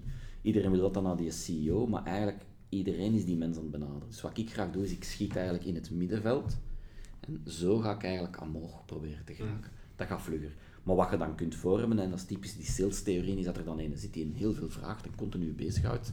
Ja, maar stuur maar naar mij, stuur maar naar mij. Als je dat begint te rekenen, dan weet ik, zit vast. Dan moeten, en hoe ga ik er dan subtiel naar andere mensen en erboven en zo? Dat is eigenlijk aanwezig zijn op dagen waar dat die CEO een speech komt doen, een receptie. Als je daar dan even mee kunt babbelen, dan kun je dat direct. Maar, maar om dat dan cold te gaan doen, dat is een hele moeilijke. En dat is normaal, die mannen die duwen ook. eh. Ik heb eh, eh, een, ooit op een dag, ik heb een YouTube, ik heb zo'n een show die noemt de Sales Acceleration Show, en op een dag heb ik de Rudy Peters erin gekregen. Dat was toen de CEO, hè, Chief Information Officer eh, van KBC. En de vraag was, hoe verkoop ik aan u? Hoe raak ik bij u? En dat is ongelooflijk boeiend. Die legt echt uit hoe dat je bij hem geraakt, wat werkt, wat niet werkt, dit en dat. En die begint zijn openingszin met te zeggen, ja, hallo, ik ben Rudy Peters en eh, ik ben CEO van KBC. En CEO staat voor Career is Over. Dat is super goed begin. Je denkt echt zo van, ja. Ja. ja. Is, dat, is ook zo dat de- de grootte van het bedrijf bepaalt hoe dat je de mensen benadert? Omdat straks hebben we al even aangehaald dat, dat grote bedrijven, eh, die gaat verschillende lagen, de ene persoon met de andere persoon overtuigen, noem maar op. Ja. Is het dan meer dat je bij grote bedrijven meer cijfermatig moet gaan werken, meer... Ik ben misschien ietsje formeler, ik ben iets cleaner in mijn communicatie, omdat ik weet dat mijn communicatie gaat doorgestuurd gaan worden. Moest, moest, hij nu, moest, ik, moest ik hem willen overtuigen, dan zou ik eigenlijk nogal heel Michael, nogal heel, heel met een mopje wat grof er durven invliegen, rechtstreeks, omdat ik weet, hij kan de beslissing maken en hij gaat dat wel appreciëren en cut the crap en we vliegen erin. Maar moest hij werken in Nespresso, ik zeg maar iets, ja, dan zou ik wel zorgen dat wat ik ook stuur, kan doorgestuurd worden. Daar moeten we wel over nadenken. Eh, en dan, ik heb een één op één band, terwijl als hij moet naar boven gaan, dan moet ik zorgen dat ik een band krijg via hem naar boven. Dus je moet, ik zal dan iets formeler zijn, ik ga, niet, dat- niet, dus, ik ga altijd iets zot uitsteken, maar, eh, maar ik ga wel een klein beetje voorzichtig zijn. Eh, Dus een stukje de, de, de normen volgen die heersen in die omgeving, maar toch een beetje je eigen Ja. Michael-accent erin hoor ik dan. Ja. Ja. Bijvoorbeeld, ik, als ik met een boek launchte, dan had ik de e-mail en heb ik 250 e-mails gewoon niet met, via automa geautomatiseerd, maar echt 250 e-mails getypt. Een stukje copy-paste gedaan. En de subject line was: Mijn moeder maakt zich grote zorgen. Dat doet open. En dan zien we bla bla bla bla. En dan zei hij: Mijn moeder zorgen. En ik heb een boek geschreven, deze en hetgeen. En ik eindig met zien, want je moet je loop closen. Zeg, en terecht dat ze zich zorgen maakt. Kom en luister naar. Zie je? En dat werkte heel goed. Maar als ik dan dezelfde mail moest sturen naar echt binnen een corporate en zo, dan was dat uitnodiging voor een boeklaunch. Dan was dat een klein beetje properder. Ja. Maar wat blijkt, als ik mij zot had gestuurd, had het waarschijnlijk beter gewerkt. E- Een van de beste, ik zat bij eh, een grote firma, ik mag niet zeggen welke, die nogal wereldleider is op, op eh, drank. Iedereen aan het denken wie zou dat kunnen zijn, het is maar één. Eh, Leuven, we zitten hier in Leuven. Eh, en die gasten die staan beroemd, wereldberoemd, voor op 90 dagen einde maand te betalen. Dus als je een beetje pech hebt, heb je vier maanden. En dan zijn die nog beroemd om dan eigenlijk nog gewoon te wachten tot je van je oren begint te maken. Dus je raakt bijna, factuur raakt bijna. Dus ik doe daar ook bijna geen zaken mee, omdat ik gewoon zeg, ofwel betaal de voorhand, ofwel doen we het niet. Ja, maar wij zijn, I don't care. Maar ja, het is te zot. Ehm, en ehm, uiteindelijk had ik toch via, via iets gedaan en ja, ik, ik wist het op voorhand en, en ik, ik raakte niet binnen bij die mensen. En ik had dan uiteindelijk de naam gevonden van de procurement en ik heb die mensen een e-mail gestuurd waarin stond, stond ik, ik heb vannacht slecht geslapen. En die mens echt, eh, en dan, die, die, die heeft dat ook, je kunt dat volgen, die deed dat open. En dan stond dan net de zin in, uh, ik moest vannacht aan jou denken. Komma, het zou fantastisch zijn als jij eens aan mijn factuur denkt. Zie Drie dagen later was het betaald. zelfs, zelfs mensen binnen procurement bewegen op zo'n dingen. Zie je? Dus ik, ik, ik ben wel voor de zotte approach, maar don't go too crazy. nee, ik wil dus een stuk wil je onderscheiden van, van zeker ook op, ik werk heel veel met LinkedIn en iedereen krijgt honderden berichten. Daar wil je een stukje uitspringen. Er is heel persoonlijk en iets heel... Uh, ik ben super hard fan van heel informeel taalgebruik. Ja. Um, ook een beetje wat dat binnen ons, ons verhaal is van ondernemer tot ondernemer. Dus we dat een beetje amicaal gaan, gaan houden. En ik heb er ook wel research rond gedaan en er zijn onderzoeks of testen gebeurd van als je een keer een hoofdletter vergeet of een punt vergeet, dat dat soms beter scoort dan als alles perfect is omdat ze dan zien, ik ben hier echt met een mens bezig die aan zijn computer zat of op zijn gsm zat en dacht van, ik heb een keer een berichtje. Binnen cold calling hadden ze zo'n techniek. Als je, als je, je hebt de receptionist dat je tegenbotst en je hebt de CEO nodig of zo. Beeld je in dat de CEO je beste maat is. Wat gaat je dan zeggen tegen die receptionist? Om, dan, gaat hij, dan gaat hij zeggen, hé, hey, doe dit niet aan nodig. Dan gaat hij heel ander taalgebruik. Mm -hmm. Je zou het eens moeten proberen dat werkt echt spectaculair goed. Omdat je zo zeker bent van, ja maar geef mij een maat is spectaculair goed. Uh, ook een goed verhaal, uh, op een dag, ik woonde in, in Rotslaar, in, in, in een bos. En een paar huizen verder woonde een commissaris, een politiecommissaris, uit het Leuvense. En die had, zij, die had uh, van die hangbuikzwijntjes. Wij kenden gekocht als ze klein waren, die waren dan beesten van 100 kilo geworden. En ik sta buiten, ik doe mijn auto open, het is tien uur s morgens, en ineens op mijn oprit staan die twee hangbuikzuintjes naar mij te kijken. Dat is echt een groot beest. En die zijn zo knorren en die hebben duidelijk honger. Dus die beginnen aan mijn broek en mijn veters te prullen. En ik denk ineens, godverdekken, dat zijn die van... Dus ik bel naar de politie. Goedendag, politie Leuven. Ja, ik ben de Michael en uh, ik ben op zoek naar die persoon. Kunnen we niet doorgaan. En niet willen, hè. Ja, en die legde af. Oké, okay, ja, ja, wij geven je nummers. En dan, oké. Okay. Zeg, zeg uh, goedendag, ik ben een, uh, de Michael en ik dacht, ik kan gewoon opnieuw beginnen, maar ik ben de Michael en ik sta hier en ik ben op zoek naar die persoon. Ik weet dat je de naam niet gaat geven, ik weet dat je ze mee gaat horen, maar wat heel belangrijk is, op mijn, op mijn oprit staan twee hangbuiks waar mijn veters op te vreten. Ik stuur gewoon de rekening. Vijf seconden later had ik ze vast. maar dus daar, als we dat naar B2B transponeren en dat een beetje opkuisen en doen, dat werkt spectaculair goed. De reden is, je moet natuurlijk iets gemeens, je moet ergens iets Je moet een connectie hebben, ja. Dat is wel een toffe, vind ik. Maar ja, je kunt moeilijk bellen naar de CEO van KBC en zeggen, zeg, je hangbuik staan en dan opgeeft. Ja. Hey, maat. Maar de, uiteindelijk, het is niet alleen de connectie, het is ook de urgency die je creëert hebt, omdat je geen probleem had. En ik weet niet, werkt dat dan ook altijd als je dat niet hebt? Want stel dat wij daar nu hadden gestaan en gezegd van, kijk, ik sta te kijken naar je en ik denk niet dat je ze dan... Ik ga een ander voorbeeld geven dat we, dat we gedaan hebben. Dus wij zaten, ik zat in een firma en wij moesten... Wij wouden eigenlijk naar... We zaten in het midsegment en we wouden eigenlijk naar de grote enterprise accounts. Maar we raakten daar gewoon niet binnen. Eén, we raakten er niet binnen en twee, ze namen ons niet serieus. Zo hebben wij toen bedacht, tijdens zo'n brainstorm, aan het denken van, tja, staat er zo geen, geen, geen, geen, geen functie, geen titel. Ik mag niet te veel details geven, maar gaat wel direct. En dan uh, is er een opgekomen die zei van, ah tja, ja, er bestaat zoiets als een, een chief. En wij dachten, ah tja, dus dat heb ik gedaan, telefoon gepakt, gebeld naar de receptie, gezegd, ik ben op zoek naar de marketingmanager van Proximus, de head of marketing. Uh, ja, maar dat kunnen we niet geven. Ja, maar ik, ik bel eigenlijk omdat we die een award willen geven. Dat is totaal niet waar, hè. Ter plaatse uitgevonden, hè.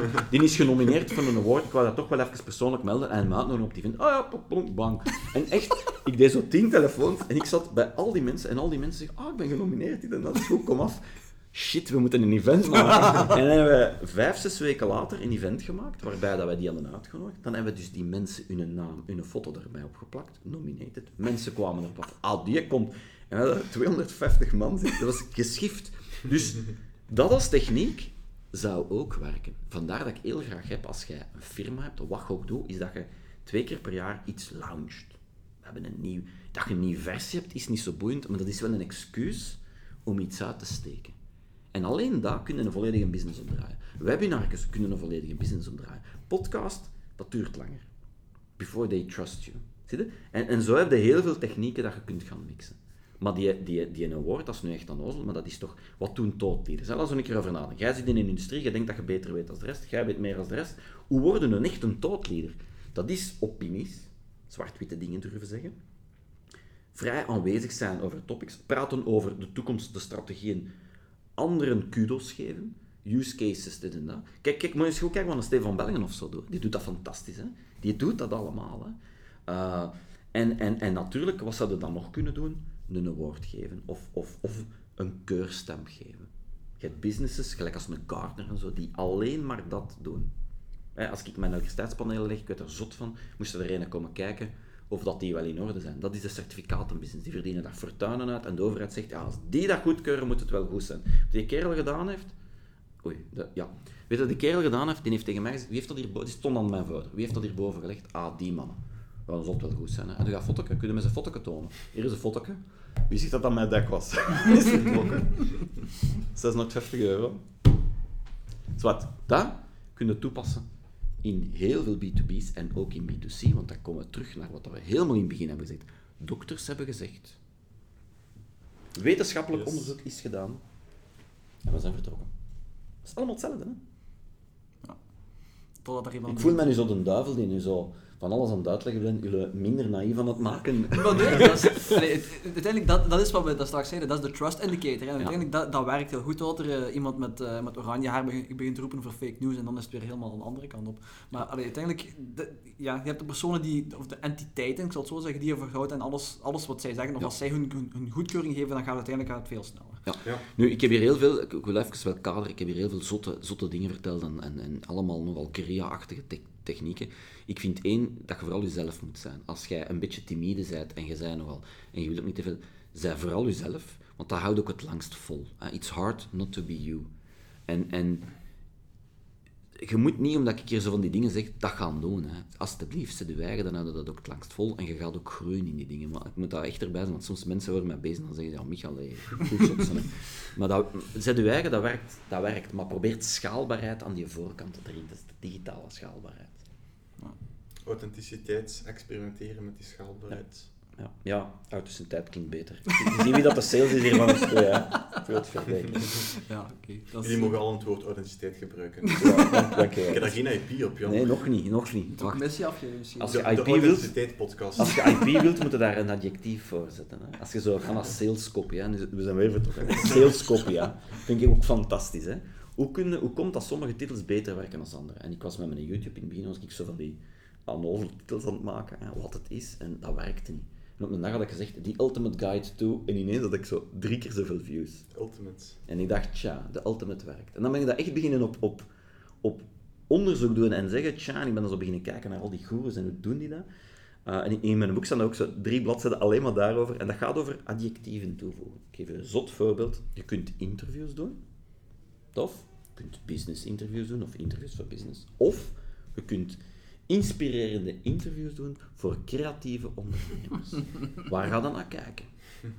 En een techniek is, je pakt een titel en je zet een subtitle eronder. En dit is de subtitle, dat je in kleinere letters zet, en dat is de sub, ik noem het altijd That Aims the Gun. En daar zet je doelpubliekskin in. En dat is een techniek dat geleerd van de consultants, van de McKinsey Boys. Die hebben elke slide, die heeft een titel, en dat is altijd een impact van wat het ding doet. Hè. Dat is toch wat iedereen ook verkeerd doet. Is, ze, ze, beginnen dan met hun slides of ze zetten iets, maar ze praten over van alles, maar ze praten niet over impact. Dus je gaat kijken trouwens naar nieuwe salesmethodologieën. Dat is allemaal impact-driven. Dat is helemaal anders, omdat je altijd weg kunt. Je gaat continu die impact er terug in steken. Um, terug naar de dingen. Dus wat doen die mannen? Titel, de impact. En de ondertitel is de conclusie van de slide. Dat je niet kunt missen. Je moet niet meer nadenken. Je leest, het staat er en je weet het. En de rest is puur platopvulling. Dus eigenlijk moet je dat in je achterhoofd houden als je goede communicatie, goede boodschap wil brengen. Ja. Nu gaat hem zijn podcast naar moeten aanpassen. Ja, ik, denk dat een, ik denk dat hij een subtitle nodig ja, heeft. Creatieve ondernemers vind ik wel tof. Uh. Ja, dat is, uh, dat is waar ik over moet En dan zie je wat er met de views gebeurt. Ultiem. Het is ontploft. Dat zou misschien cool zijn voor YouTube om uh, enerzijds de titel en dan een subtitel erbij te zetten. Dat is misschien nog een, uh, iets wat zij moeten, moeten faciliteren om dat uh, te doen. dat, hè. Je hebt je thumbnail hm? en dan heb je je titel. En de, de, wat er in een thumbnail staat, dat kan niet ge-SEO'd worden, als we even technisch gaan. Nee, nee, dat is waar. dat is puur, dus dat beeld en die titel is puur, je kijkt, klik. En de subtitle, dus de titel van je film, is eigenlijk de subtitle, is eigenlijk de dingen wat dat SEO is. Vandaar dat ik bijvoorbeeld met een naam en zo van die toestanden erin zet. Ik mag dat wel langer, omdat je dan eigenlijk, het is de mix van die twee dat maakt dat je wint. En, en ik ga soms zien dat met een thumbnail volledig iets anders is dan met een titel. Bewust. Nou, dat is ook. Dus de twee manieren waarop je aandacht kunt opeisen. En het ene is, is, is een beetje meer SEO. Oké, goed. Dan, maar het visuele spreekt ook heel veel aan. En vaak met een klein scherm kun je vaak ook niet zo heel veel doen. Dus uh, dat is nu specifiek YouTube, maar dat is wel zo. Um, misschien is de laatste vraagje wat ik nog zou willen stellen. Uh, ik krijg heel vaak e-mails van uh, bedrijven uh, die dan in, in, Wit, in Wit-Rusland zitten of iets weet ik veel, of India of Pakistan, die dan zeggen van kijk, hey, wij doen mobile development specifiek voor mij dan, eh, dat, is, dat is wat ze mij vaak over hebben, tegen die prijs, 14 euro per uur. Uh, ben jij, heb jij ook zoveel vrouwen in Belarus die verliefd op jou zijn? ja, dan niet. Ik krijg andere e-mails. Maar ik op LinkedIn uh, indrukwekkende... Amai, dat is de moeite daar. Uh, Via LinkedIn? Echt, echt jongen, dat ik zo'n ding, maar allee... En dat is ook altijd om uh, IT-services te ja, verkopen. inderdaad. En dat is, dat is een beetje... Wat, allee, wat, wat ik zo wil vragen van... Wat, wat... Is zo gelukkig. Misschien moet ik ook eens gaan doen. Maar wacht even, pas verhuisd.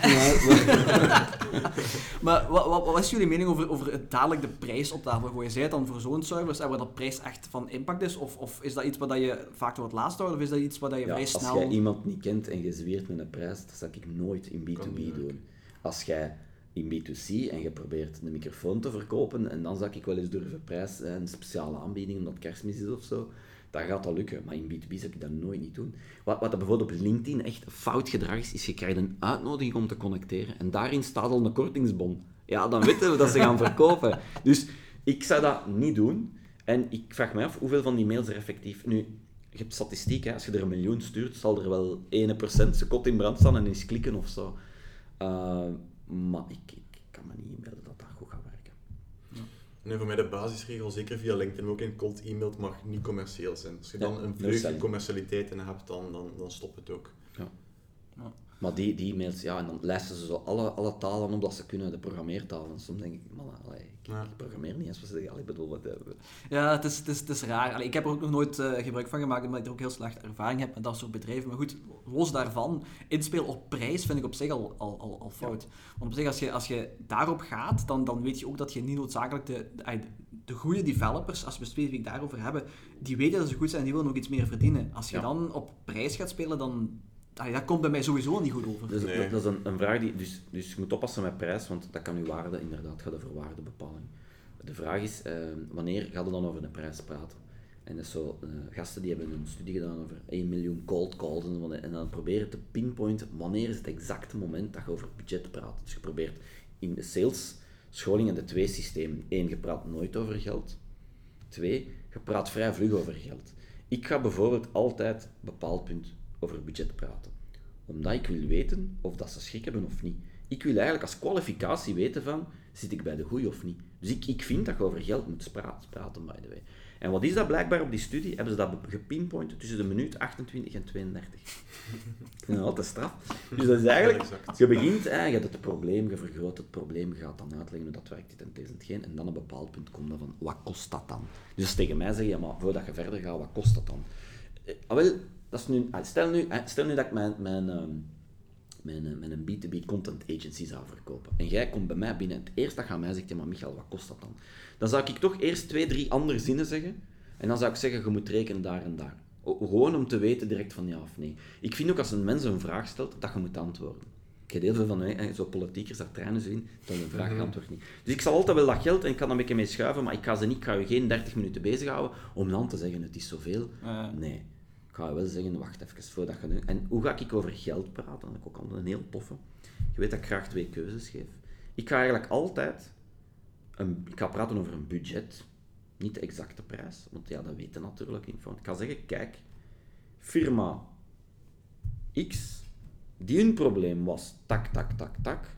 We hebben dat zo en zo opgelost. Budget moeten rekenen tussen de 15 en, ik zeg maar iets, tussen de 15 en 20.000 euro.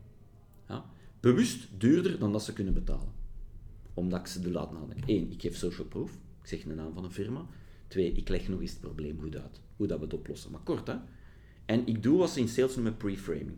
Ik ga een groter bedrag zeggen. Hè, komt de garage binnen, chicste bak staat daar, je kunt dat niet betalen. Pakt een tweede. Het is zo dat iedereen eindigt met de goedkoopste auto met de duurste velgen. Dat is het systeem.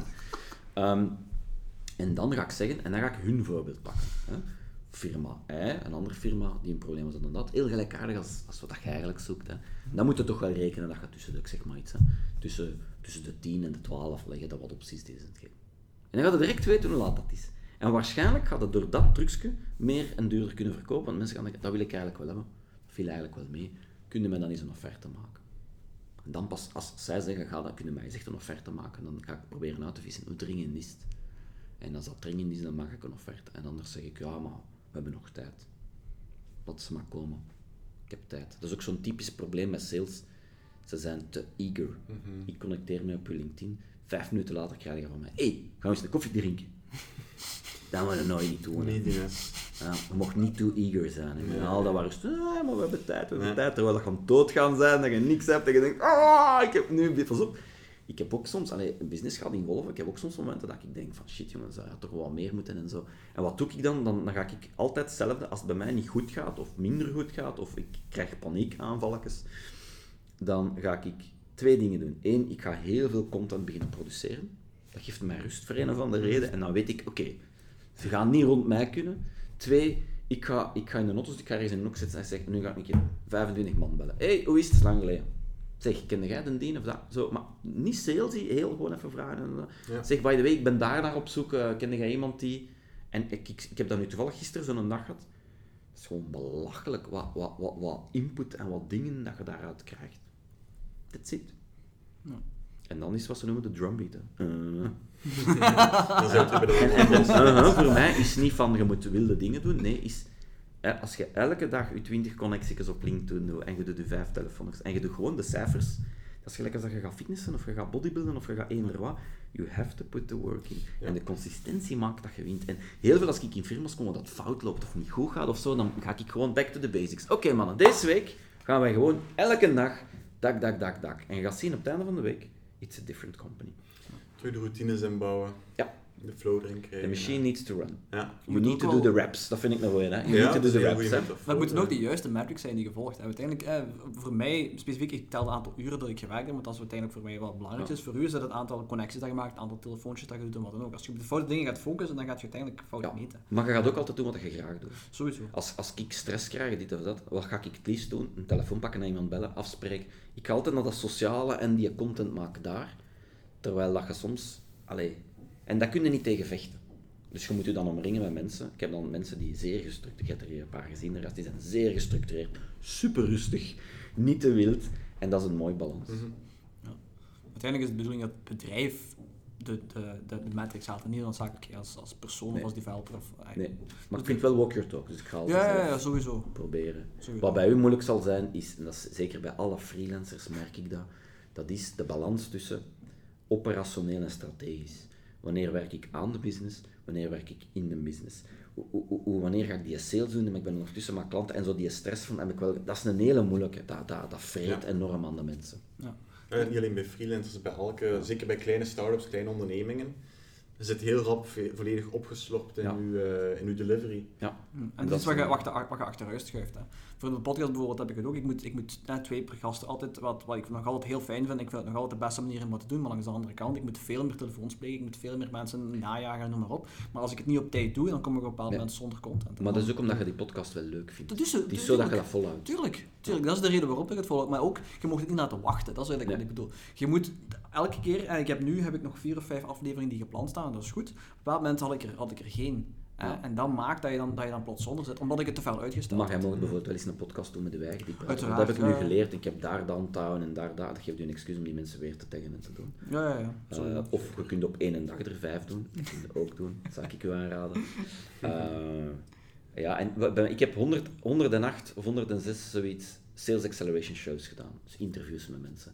En nu ben ik de laatste jaar heel veel bezig geweest met eh, gewoon expertenfilmpjes. Drie minuten iets uitleggen of zo, van die dingen. En nu voel ik terug, nu pas, dat ik terug zin heb om terug mensen te interviewen.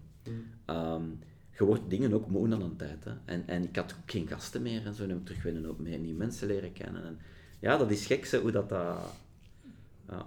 Ja, maar dat komt, dat komt in waves. En op zich, daar is helemaal niks mis mee. Met het punt is gewoon, je moet zorgen dat je funnel vol zit. En of dat nu Ja. Interviews is, of eh, specifiek voor podcast dan, of, of expertfilmpjes, of, of testimonials, of wat dan ook. Je moet gewoon zorgen dat er iets in de pipeline zit. Maar vinden dat niet heel raar dat de meeste mensen ja zeggen op zoiets? Eh, Ik kon naar bijna iedereen mailen voor Ja. een YouTube-show en laten we zeggen 90% Ja, van de mensen zei ja. zei ja. En ook echt mensen dat ik dacht nooit van zijn leven dat ik die... ja, nou, hetzelfde. Dus dat is ook een fantastische sales techniek om maar eens binnen te geraken. Ja, zijn, ik moet heel eerlijk zeggen, er zijn nog maar een stuk of vijf mensen die tegen mij hebben gezegd van nee, liever niet. En dat was dan eh, persoonlijke reden of wat dan ook. En, en dat, is echt, uh, Ja. dat is echt Nu, opvallend. podcast hebben zelfs geen beeld. Hè. Soms hebben mensen met video die zeggen, ja, pak niet op video mij. Ja, oké, dat snap ik. Als je Eh, stem een beetje oké is. podcast Ja. kunnen niet... Ja, oké, maar uite- uiteindelijk de, de, de, de gelegenheid krijgen om je boodschap een keer uit te brengen of wat dan ook, dat op zich vind ik al, vind ik al waardevol. En eender wie Mhm. dat is, hè, zeker voor ondernemers, iedereen heeft zijn eigen verhaal, iedereen heeft zijn eigen uitdaging, iedereen heeft zijn eigen problemen, wat dan ook. En dat is allemaal, allemaal waardevol om te delen. En misschien de ene al wat meer als de andere, wat meer, wat meer ervaring of wat dan ook. Maar iedereen kan leren van iemand anders. Ik bedoel, Het is een extra kanaal om dat, dat echt je boodschap te gaan verspreiden. dus dat. Dus dat. En dan kun je ook hè, een sales funnel aan vasthakken, dan achteraf als je het doet. Ik had voor met een YouTube-show dat ik echt een sales funnel, hè, allee, ik bedoel, echt van die, die gasten kwam er eens Ja. tegen, als van tof of dat zou ik wel eens willen doen. Ik weet niet anders, hè. We zijn terug bij sales beland. En we zitten terug bij sales. Plus ook het feit dat als, als jij ons vraagt van willen jullie als gast op mijn podcast komen, dat vlijt ook gewoon u, ieders ego voor een stuk. Dus mensen, je zet mensen ook een stuk op een verhoogje, want jij bent iemand dat ik van kan leren. Mensen horen dat graag. Hè. Natuurlijk, natuurlijk. Mensen delen graag wat ze hebben geleerd over de jaren. Tuurlijk. En ik denk ook dat vaak mensen dat niet beseffen hoeveel dat ze eigenlijk wat kunnen delen. Dat is een beetje het imposter syndroom, denk ik. Ja. Iedereen heeft, heeft iets om te delen. Eh, en, Sowieso. en iedereen heeft iets waar je van, van kan leren. Eh, maar je moet het gewoon durven, durven formuleren, durven uitspreken. En niet bang zijn om fouten te maken. Dat, dat, dat, is, dat is heel belangrijk, heb ik, heb ik ondervonden. Want op zich, ja, ik ben Ja, niet... maar de- gemaakt fouten, dat mag. We Tuurlijk. hebben toch gezegd, het mag juist imperfect zijn. Ja, ja, dat is ook zo. Dat is ook zo. Eh, we hadden graag nog een plant gehad, maar dat is, dat is helaas niet gelukt. Ja. Nu ga je iedereen een groot gat hier zien. We hebben deze al een naam gegeven. Right. Ehm, misschien afsluiten met, eh, of, eh, met nog een paar kleine tips die jullie kunnen geven. Misschien specifiek voor, voor freelancers. Eh, Nog tips. Oh, nog tips. Zijn ze nog niet op? Nee, omdat het, dit is, is heel speciaal voor freelancers. Hè. Voor mij is het nu niet zozeer omdat ik consultant ben en dan heb ik één grote klant die ik gedurende lange tijd kan houden. Maar als je constant nieuwe projecten zoekt, hoe, hoe vind je in principe die balans tussen, en wat we juist ook al zeiden, tussen het, het, het opbouwen van die funnel, onderhouden van die funnel en, en het effectief werken aan de business wat je eigenlijk moet doen om, om de centen te verdienen? Heel eenvoudig, vind een manier om je expertise te delen. En de productie van je content doet dat in het formaat dat je graag hebt. Is dat, is dat audio, is dat video, is dat webinars, dat maakt niet uit. Maar probeer dat te batchen. 10 op een dag, 20 op een dag. En dan zit je letterlijk 20 weken gerust. Dat is super belangrijk dat je zo denkt. Tweede is altijd, zet je eigen en geef altijd keuze. Ofwel staat kot in brand, hebben ze nu direct nodig, maar de meeste mensen hebben dat niet. Geeft, hebt iets om te geven, al is het een webinar, een podcast, het maakt niet uit. Zodanig dat ze in je loop komen, zodanig dat je een excuus hebt om terug te gaan. En te zeggen, hey, by the way, ik zag dat je erin zat. Hoe is het met u? Hoe is het met uw business? That's it. En dan niet stoppen. Eh, De drum. De Drumbees, ja. Ik moet die film duidelijk nog eens terug bekijken, want het is te lang geleden.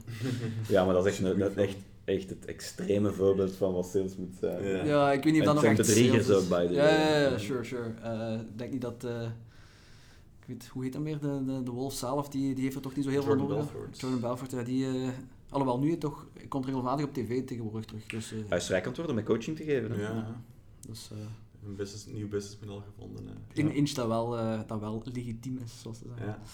Dus, eh, Wat ik nog zou meegeven op je vraag te antwoorden. ehm, ik heb vooral in op het werken in de business en aan de business, waar ik Mhm. dan ook sales onder zie.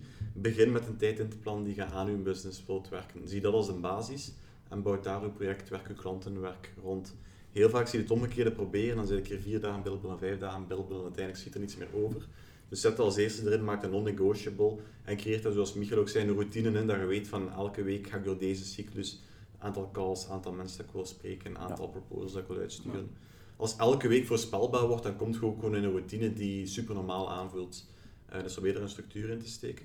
Het tweede wat ik zou meegeven is, stel je altijd de vraag, what's the worst thing that can happen? Ik zie heel vaak heel veel mensen, mezelf inclusief, ehm, aarzelen om een nummer in te typen en gewoon een telefoon te gaan pakken. Ik ga die mensen gaan storen, die gaan kwaad worden, die gaan mij een verachtelijk schepsel vinden.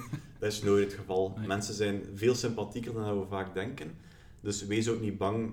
Wat is het ergste dat kan gebeuren? Heel weinig, je hebt niks te verliezen. Nee. Dus het gewoon eh, doen. Zonder dat het perfect moet zijn, zonder dat je klaar moet zijn, zonder dat je de beste versie van jezelf moet, eh, moet voeden. Ja. En uiteindelijk een nee is daarom geen ramp. Het is ook gewoon iets waar je bij ligt en waar je verder op kan werken. Het is, het is gewoon een leermoment uiteindelijk. Ik ben soms blijer met een nee dan met een ja, want uit een nee leer ik, uit een ja leer ik Je niet moet veel ervan uitgaan dat je nee krijgt en dan heb je niks te verliezen. Ja, De lake, of, lake of rejection. Lake of rejection. Reject the rejection. Da, da, da, da, da. ja, Ja, oké, we zijn vertrokken. ja. Ik ben blij dat het vrijdag is, dat we zelfs een pintje kunnen drinken. Alright, daar gaan we direct mee beginnen. Eh, ik ga jullie vast heel hartelijk bedanken voor de tijd. Ik vond het een heel interessant gesprek. Ja, heel, veel, eh, heel veel uit geleerd. En ik denk dat we er ook wel heel, eh, heel mooie dingen de wereld in kunnen sturen. Dus dat gaat, dat gaat perfect uitkomen. Ehm, ja, dan, eh, en ik stel voor dat we misschien binnen x aantal maanden nog eens doen om te kijken waar dat we staan. En misschien hebben we dan weer nieuwe dingen bijgeleerd en is sales ook weer helemaal veranderd, hè, wie weet. Dus, eh, Goh, personal brands. En wat hij vergeet te zeggen is subscribe to the channel. Klik de link below. Klik de link below. Ja, voor YouTube is dat van toepassing voor Ik audio. kreeg eh, mijn YouTube-expert, ik heb zo een dat ik eens dacht, want ik ken er ook veel van, kan ik je toch extern een keer vragen, zo een die allemaal van die... Die zei tegen mij, Michael, je hebt heel veel nieuwe, maar je moet, moet echt zeggen, subscribe, en je moet echt zeggen van... Je moet dat echt zeggen, want dan... Ah, dus nu ben ik dat ook beginnen doen, dat klinkt zo fout. hè. Hey, ja, die- en Ja, nu ben ik zo, eh, op een creatieve manier, probeer ik dat erin te krijgen. Bijvoorbeeld, dan geef ik zo'n tip, ah, da, da, da. maar bijvoorbeeld, stel dat jij nu, nu subscribe klikt, dan... Ja. Puur hypothetisch. Vier op het. Het hoeft niet, hè. Nee, maar ik, ik, heb het gevoel, ik heb het ook al vaak gehoord, maar ik ben er zelf nog niet aan om dat, eh, om dat te doen. Ik vind het nog altijd een beetje cheesy. En, Het komt wel. Ja, het is eh, work in progress, gelijk ze zeggen. En uh, ja, hoe zeggen ze dat? Keep the hustle. Of keep Ja. hustling. Dus uh, komt helemaal goed. Nee, Swat. Heel hartelijk bedankt, uh, Michael en Stefan. En dan uh, tot, uh, tot binnenkort misschien. Yes, dikke merci voor de invite. Dikke merci.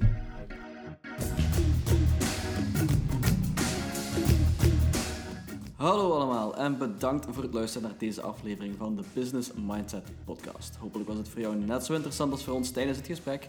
En heb je er één of meerdere dingen kunnen uithalen voor jezelf of om anderen te helpen in hun onderneming.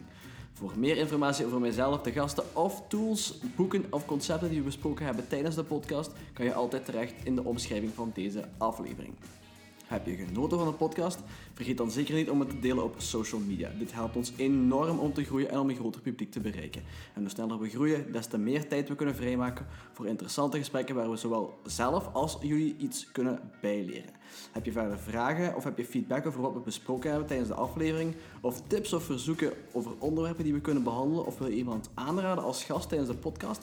Laat het dan ook zeker weten. In de omschrijving van deze aflevering vind je een link naar alle social media accounts van de podcast. En daar kan je ons altijd op bereiken.